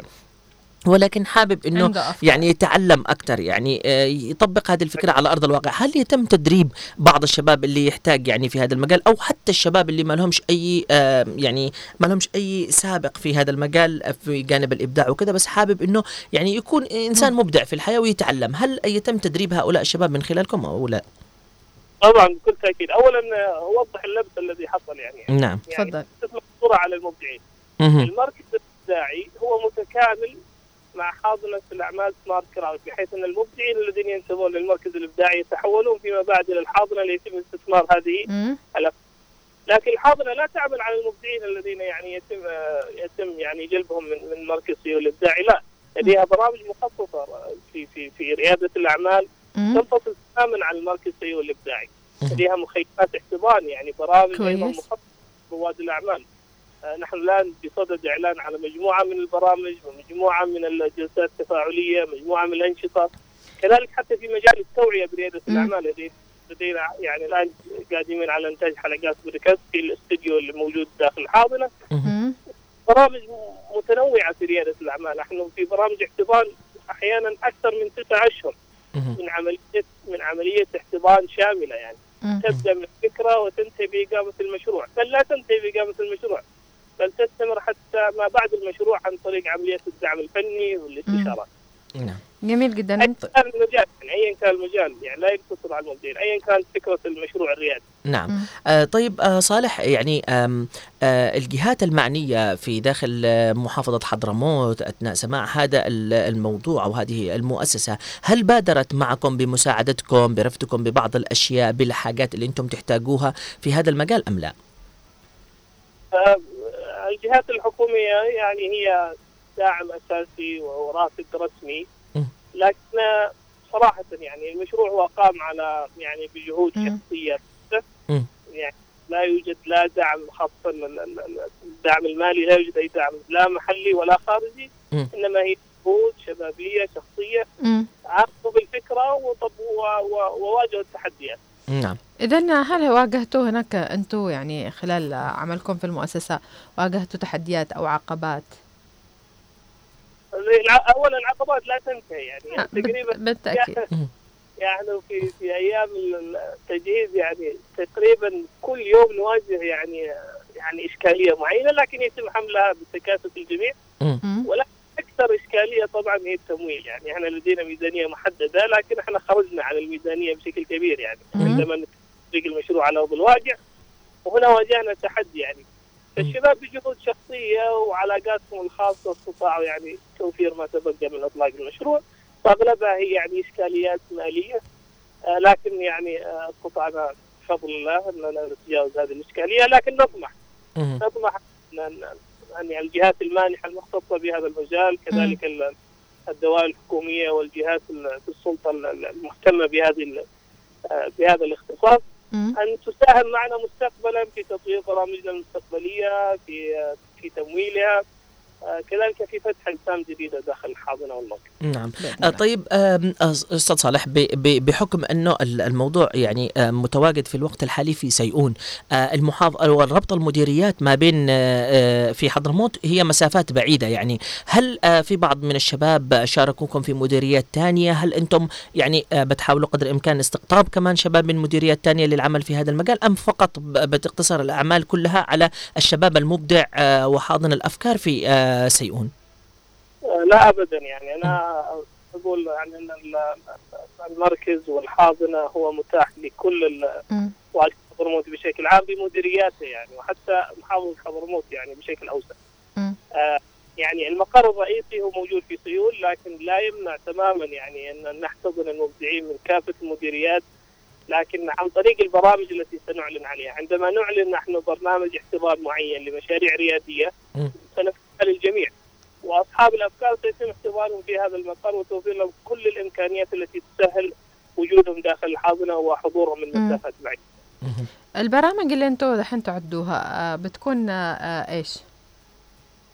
إحنا يعني نعمل في في على عدة برامج يعني لا أستطيع ان أتحدث بها حاليا يعني okay okay عشان كذا كذا بنعرفها بنعرفها إن شاء الله بنستضيفكم أول إن شاء ما الله. لكن لكن ما أريد توضيحها مهم. انها برامج مخصصة يعني لدينا برامج أيضا في في في في في, ال- في الشركات للشركات الناشئة المتوسطة والصغيرة. لدينا برامج للأفكار الريادية للأفراد. لدينا برامج حتى لتأهيل منظمات المجتمع المدني باعتبارنا حاضنة تابعة لمنظمة المجتمع المدني. لدينا أيضا برامج لتأهيل ال- ال- الكادر الحكومي في الإدارة العامة جميل لدينا أيضا يعني أنشطة مختلفة ليست برامجية عبارة عن منتديات استثمارية تجمع. يعني تساهم في تأهيل الاقتصاد الوطني وجلب الاستثمارات الأجنبية. نعم. بإذن الله. شيء كويس. آه طيب آه صالح آه يعني آه أوجه لك سؤال ثاني إنه آه لما تجي تشوف آه الآن الواقع يعني آه مختلف بتلاقي إنه كثير من الشباب ربما يعني خارج عن إطار المألوف في التفكير بمساحة إبداعية وفكر إبداعي. فبتلاقي واحد إلى اثنين من الأشخاص ممكن يفكروا بحكم إنكم إنتم أنشأتوا هذه الم- المؤسسه يعني هل لقيتوا فعلا شباب على أرض الواقع متواجدين بأفكار إبداعية حقيقية آه كم وصل عدد الشباب هذول يعني اللي ممكن يكونوا مبدئيا يعني بحكم إنكم عددكم لسه جديد بس آه هل في أفكار هل في شباب كم عدد الشباب تقريبا اللي وصل اللي عنده فكر إبداعي اولا ما جاء ما جاء المشروع أصلا إلا من من احتياج مجتمعي نشاهده.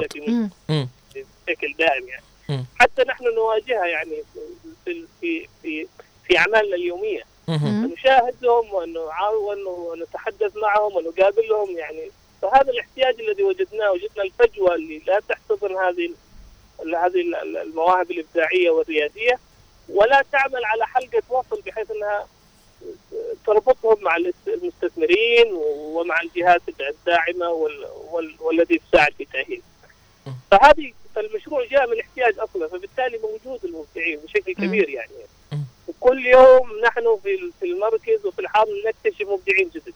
يعني. في اليوم نكتشف أكثر من من, من مبدع. فالمبدعين كثيرين يعني ليست إشكالية هنا. لكن إشكالية كيف نستثمر هذه المبدعين.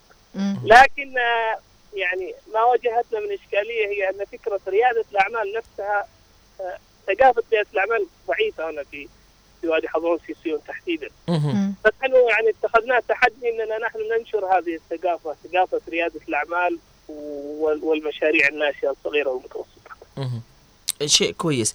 طيب يعني آه، هل آه، تفكروا في فترة من الفترات أنه آه، العمل يتطور يتقدم إلى أبعد أو في لكم خطط مستقبلية؟ إيش الخطط المستقبلية اللي ممكن تفكروا فيها في هذه المساحة؟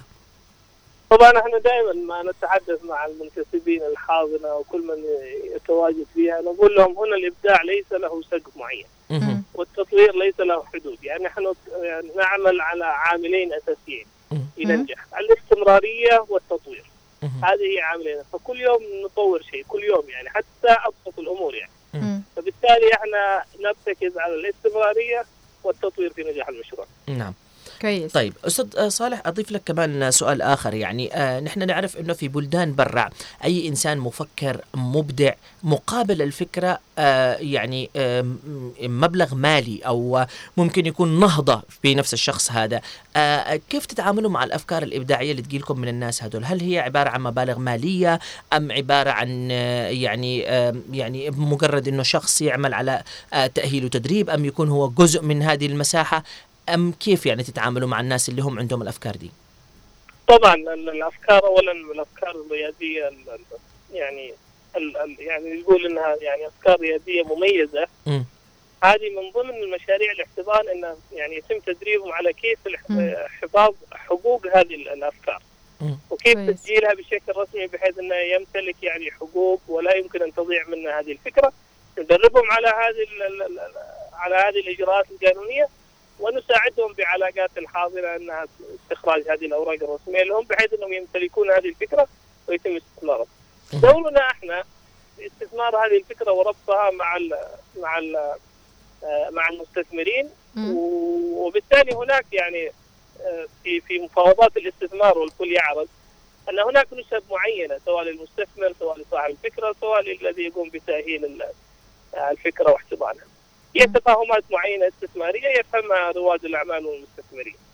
لكن المهم جدا أنه يتم الاحتفاظ بهذه ال- الفكرة وتسجيلها رسمي بحيث أنه يحافظ على حقوق الفكرة. نعم آه طيب آه كمؤسسة آه غيت يعني آه في خلق المساحة الإبداعية دائما والفكرية ما الذي تتمنى هذه المؤسسة؟ آه، نتمنى أن نسهم يعني و... ونحن كمؤسسة وكل المؤسسات نحن دائما نقول نحن شركاء مع الجميع. والنجاح يت- يتسع للجميع ونحن كمنظمات مجتمع مدني لا يمكن أن ننجح إلا بعمل تكاملي آه، نطمح بشراكات واسعة مع كل ال- ال- ال- القطاعات سواء القطاع الخاص والقطاع الحكومي وقطاع المجتمع المدني. آه، نطمح أن نرى هذه الفكرة يعني ثقافة موجودة ومتأصلة هنا في حضرموت. بإذن الله دائما نراكم إن شاء الله يعني ناجحين ويعني لكم أثر كبير وإيجابي في مجتمعكم وفي محافظة حضرموت. وإن شاء الله دائما نلاقي يعني مؤسسات زي كده في كل المحافظات الجنوبية للنهوض بالمبدعين والأفكار الإبداعية. آه، بإذن الله يكون هذا هو يعني هدفنا وكل كل المؤسسات سواء في حضرموت أو في الجنوب بشكل عام. أن ينهضوا ويعملوا أفكار جديدة تخرج عن. المالوف تساهم لها اثر مجتمعي حقيقي. فعلا فعلا. الله. الأستاذ صالح بن حمران شكرا لك على تواجدك معنا في هذه الحلقة. المشرف العام لحضانة الأعمال سمارة كرود في سيئون. يعطيك الصحة والعافية ونحن سعيدين بتواجدك معنا. وإن شاء الله بإذن الله بنتابع معكم أول بأول كل الأعمال الإبداعية وهذه الفرصة. آه، كانت جميلة ومن حقنا أن نحن نرفع أيضا من مستوى الوعي كجهة إعلامية. وأن نحن نرفع أيضا من إبداعكم أنتم بأنكم تخرجوا بفكرة جديدة آه، في ظل الظروف الصعبة. فهذا شيء جميل وإبداعي. شاكرين لك تواجدك معنا في هذه الحلقة الصباحية. شكرا جزيلا لك. شكرا على الاستضافة واكرر شكرا لك. شكرا. آه طبعا غسان بنكون متابعين لهم صراحة موضوع حلو والأفكار جميلة جدا و- وأفكار إبداعية. يعني إنك أنت ت- ت- تشوف أفكار إبداعية وتنميها من الصفر وتوصلها لأنها تكون ممكن أنها تكون مشروع هذا شيء جميل وإيجابي يعني وكثير من الشباب والشابات عندهم أفكار إبداعية ولكن مش لاقين الجهة اللي تدعمهم أو ال- الجهة اللي تحفزهم على النهوض بهذه الأفكار ويعني طرحها على أرض الواقع. فالمؤسسات اللي زي كده مؤسسات يعني آه، تشكر صراحة لأنها لها آه، أثر كبير بيكون لها أثر كبير في المجتمع بيكون لها آه، يعني بتكون يعني لها أثر كبير وبتحط على أرض الواقع يعني لمسات وبصمات رائعة. طبعا. آه والأجمل من هذا كله آه أماني إنه لما تجي تشوفي إنه آه في ظل الظروف الصعبة اللي هي موجودة ومنطقة آه، سيئون كمان يعني آه، من المناطق التي آه، متمسكة في العادات والتقاليد. ولكن ناهضين بشكل كبير جدا. إن تخرج فكرة من قلب المعاناة بالطريقة هذه وإنه تكون خارج عن آه، إطار ال- الفكر المؤسسي اللي نحن نعرفه آه، بطريقة هذه إنها تجمع بين الأفكار والإبداع آه، وكمان كيف تحتضن هذه الأفكار فده يعتبر شيء جديد. الجميل من هذا الموضوع إنه قال إن المؤسسة فيها جناحين يعني جناح يهتم بالأفكار الإبداعية وجناح يتبنى الأفكار الإبداعية يعني يعني لو كان في مشروع معك أفكار في مشروع معين؟ بالضبط. فممكن إنها يتبنى يعني أنا مش بس مجرد أجيب فكرة لا حتى الفكرة حقيقة بتشتغل على أرض الواقع. أيوة. هذا الحلو. جميل جدا. زي ما قلنا يعني آه، بيكون آه، نهضة اقتصادية كبيرة بحيث إنه في أفكار كثيرة آه، في أفكار كثيرة ومبدعين كثير يعني يبدأوا بإعطاء أفكارهم بس لما ما يلاقوش حاضنة لهذه الأفكار ال- الفكرة تموت أو الفكرة تروح لبلاد تانية فتطبق وهناك يستفيدوا منها.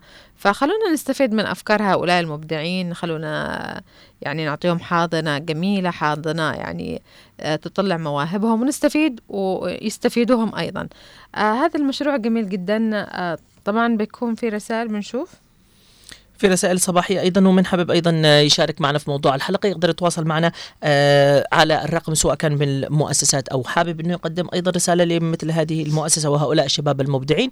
يتواصل معنا على رقم الهاتف 20 17 17 و20 11 15 ورقم الواتساب 715 929 929 بنبدأ بقراءة التعليقات والمشاركات لهذا اليوم. آه، طالب برقاش بيقول يسعد صباحكم أصدقائي العزيزين غسان صلاح والأخت أماني مجمل. أتمنى من الله العلي العظيم أن يمن عليكم بالصحة والعافية. شكرا جزيلا لك. سنة دهمس بتقول منورة غسان. آه نور نورك. يا سنة ربي يسعدك. الله يحفظك. شكرا لك. آه كمان آه ما فيش رسائل بس بنقول بنصبح على عوض العبيدي وصالح, وصالح المطرفي. وصالح اليافعي وأجتنا رسالة الآن من أبو شيخ صالح محسن بيقول صباح الخير أخي غسان وأماني والتحية للنوار ولجميع الطاقم الإذاعي. في فصل الشتاء معروف أن الناس تمرض في الزكام من الزكام ونزلات البرد. نعرف من الزمن الجميل أنه علاج الزكام مرق مع الليم الحامض اثنين شاي أحمر مع الليم الحامض والزبادي كان اسمه القطيب مع الثوم ويشفي التهاب الحنجرة واحتقان الأنف وزي ما قال في التقرير الأخ علي العمري البرتقال اليوسفي مش بس للزكام له كثير من الفوائد لأنه في مادات الألياف آه، للقلب وهشاشة العظام وتقوية العظام. وكثير من الفوائد يا أخي غسان وأماني ما دام تكلمت اليوم عن اليوسفي تلاقي بياعي إنه له فائدة كبيرة بيقوموا برفع سعره. غدوة غالي الله ويرفع فوق. الغلا غلا ودمتم صالح محسن بن محسن بن شجاع. شكرا جزيلا لك. أم أحمد من عدن بتقول يسعد صباحكم بكل خير. يسعدنا صباحك يا أم أحمد. أم أحمد من مدينة الشعب أيضا بتقول يسعد صباحكم. يسعد صباحك يا أم أحمد. فواز الراجحي بيقول صباح الخير أخي غسان والأخت أماني. والله ثنائي ولا أروع. شكرا جزيلا الله لك. يحفظك. شكرا لك. شكرا جزيلا لك. آه، طبعا بنصبح عليكم ونقول لكم نتمنى لكم يوم سعيد. آه، بنقول لأصحاب اليوسفي لا ترفعوش الأسعار لا ترفعوش الأسعار علينا مش ناقصين. خلونا نستمتع بفاكهة الشتاء صراحة. آه، طبعا آه، يعني المواضيع كثيرة. اليوم تكلمنا عن آه، الإصرار والتفاؤل والابتسامة الحلوة. تكلمنا على آه آه ف- فوائد اليوسفي تكلمنا على الأكلات الجميلة اللي نحن ناكلها من الصباح عشان نصحى كده من بدري وخاصة في الضالع. تكلمنا مع بريد اليوم آه زميلنا اللي في الضالع. وتكلمنا على أمور كثيرة وخاصة وختمنا موضوع, موضوع اليوم بهذه المؤسسة الجميلة مؤسسة الغيث التي تهتم بالإبداع والمبدعين وتحتضنهم وتعطيهم بيئة يعني حاضنة وتطلع لهم تطلع أفكارهم وإبداعهم. وتتبناها أيضا. نعم. آه طبعا آه قلت لك أماني إنه الناس تهتم بهذه الفكرة شيء جميل. يعني بدأت الناس حتى تنهض اللي أنا أحبه في في في الشباب في حضرموت. آه كثير تفكيرهم آه إيجابي وفكر الصندوق. جديد أيضا خارج الصندوق. نعم. آه لو بتلاحظي كمان قبل فترة استضفنا آه شخص من الأشخاص المتواجدين الذي حول بيته إلى بيته حوله إلى متحف لبعض الأشياء. وكانوا الناس يجوا عنده وطلاب المدارس وزيارات لبعض الأشياء التراثية القديمة اللي كانت موجودة. الآن جاءت فكرة جديدة بدأوا يهتموا في مسألة التراث. يعني حتى لو بتجيب تلاحظي على مستوى الموسيقى يعني مهتمين بالتفاصيل الصغيرة والدقيقة أنها دائما تكون نحن موجودة. دائما نحن نقول إنه حضرموت يعني محافظة عريقة محافظة تهتم بالعادات والتقاليد. تهتم بال بالعبق التاريخ حقهم يعني وعاداتهم تقاليدهم حتى لما كنا نحن نعمل يعني في رمضان تقارير كنا نعمل معهم مقابلات في مع المراسلين. كن كانت الطقوس في رمضان مختلفة تماما عن كل المحافظات الجنوبية. آه، طقوس رمضان كانت جميلة جدا. يعني هذه المحافظة آه، تتمسك بطابعها التراثي التاريخي وأيضا تضيف يعني تتواكب مع العصر. مم. فأشياء شيء جميل إنه كمان إنه شبابها وكبارها في السن يعني آه، يتواكبوا مع ال- العصر. ولكنهم محتفظين بأصالتهم وتاريخهم. نعم. آه علشان هكذا آه نوجه تحية لهم شكرا لهم شكرا لكل الشباب المبدعين في البلد برغم الظروف الصعبة إلا أنهم ما زالوا باقين آه ومستمرين. الإبداع دائما آه مش فقط في الفكرة اللي تكون موجودة معك الإبداع أنك أنت فعلا تكون موجود وحاضر في البلد هذه برغم الظروف الصعبة برغم كل شيء. تحاول قدر الإمكان إثبات وجودك. علشان هكذا نتمنى حتى من المؤسسات الإعلامية نتمنى من كل الناس اللي بتشتغل بهذا المجال. سلطوا الضوء على الشباب المبدع في هذا المجال أو في أي مجال كان. اتركوا الشباب آه يعني آه يحس بالأمان يحس أنكم أنتم جزء منه حتى لو أنتم مش مساعدين. نحن للأسف الشديد في بلدنا آه يعني نحن منشش نقول كلام سلبي من الصباح ولكن يعني دي الحقيقة اللي هي موجودة أنه كل ما كان في عندنا شباب مبدع أو في مجال معين تلاقيه ياخذ زاوية أخرى وتلاقي إنه في تدمير وانتقاد قوي جدا. يعني بينما في بعض الدول لو في فكرة جديدة للشباب بتنهض. يعني حتى لو فيهم ألف خطأ لكن تنتقدهم بانتقاد كويس. نحن للأسف الشديد ممكن يدخلوا في السب والشتم والخطأ أيضا في هؤلاء الشباب. اتركوا المجال للشباب إنها تبدع لأنه في طاقة إيجابية موجودة عندهم وهذه أجمل الأشياء. تحية لك نوار. أنا آه عارف إنك آه، في بالك حاجة يعني أنت تحابب إنها تهديها في خصوص هذا الموضوع. آه اذا نسمع هذه ال- المقطع من الأغنية اللي اختاره المخرج نوار المدني وبعد كده نرجع لكم. هيوقفوك هيحاولوا يقسوك ويحبطوك ويكسروك. خليك دايما جامد جرب حاول عاند هيقطعوك وتملي يفشلوك يبكتوك ويزهقوك. وما تزعلش ده عادي. كله كلام على الفاضي. لو غرقوك قوم لو وقعوك قوم صدقني في يوم بعزيمة وإرادة تقف تاني كالعادة. في جواك سوبرمان أحلامك بالإمكان وعشان. انت بطل من جواك. في حلم بيستناك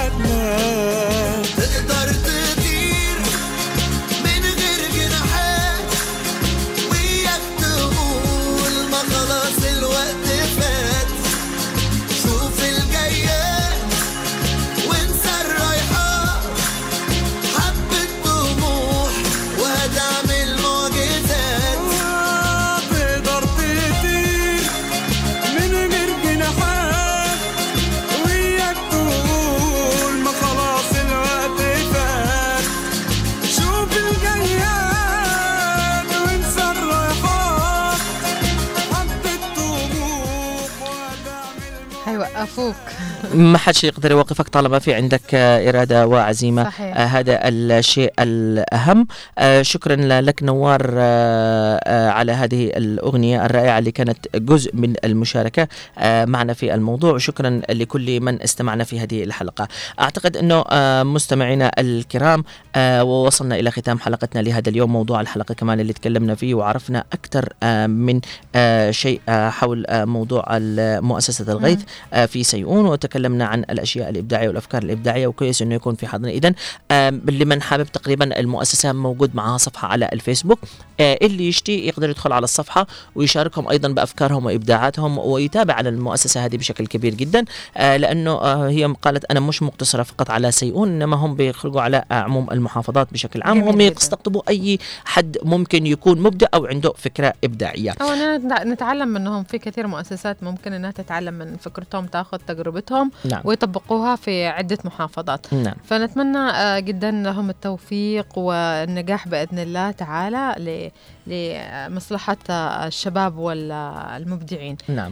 أعتقد آم، آه، مستمعينا الكرام وصلنا إلى ختام هذه الحلقة. أنا سعيد آه، وأيضا الزميلة أماني سعيدة جدا بتواجدها معكم. والزميل أيضا نوار طاقم البرنامج الصباحي سعيد. دائما بان إحنا نكون متواجدين معكم تسمعونا في البرنامج الصباحي. شكرا على الرسائل الإيجابية التي دائما تجينا بعد البرنامج الصباحي على الكلمات اللي نحن نقولها أو الطاقة الإيجابية البسيطة نحن نقولها. دائما نقول لكم بأنه فكرة برنامجنا الصباحي بأن نحن نمنع أي كلام سلبي من الصباح إنه يكون متواجد. قلنا دائما الإنسان ينام ويصحى على آه، آه، بصيص أمل ولو بالشيء البسيط. نحن ما نحبش أي سلبية يومنا كله مليء بالسلبية. الأخبار السلبية ممكن إنكم تلاقوها لكن نحن دائما في بداية الصباح عنواننا الإيجابية لازم تكون موجودة عندنا وهذا شعارنا في البرنامج الصباحي كلام سلبي ممنوع.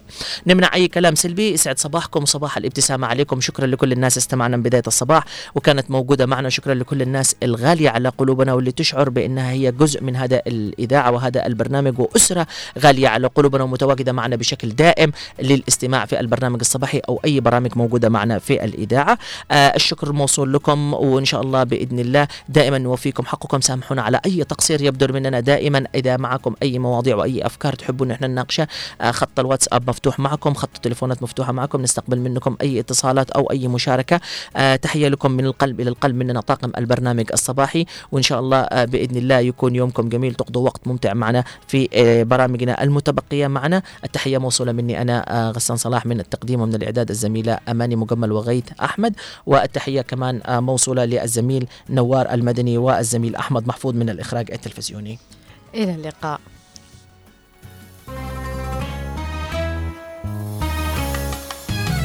يا حبيبي سعد صباح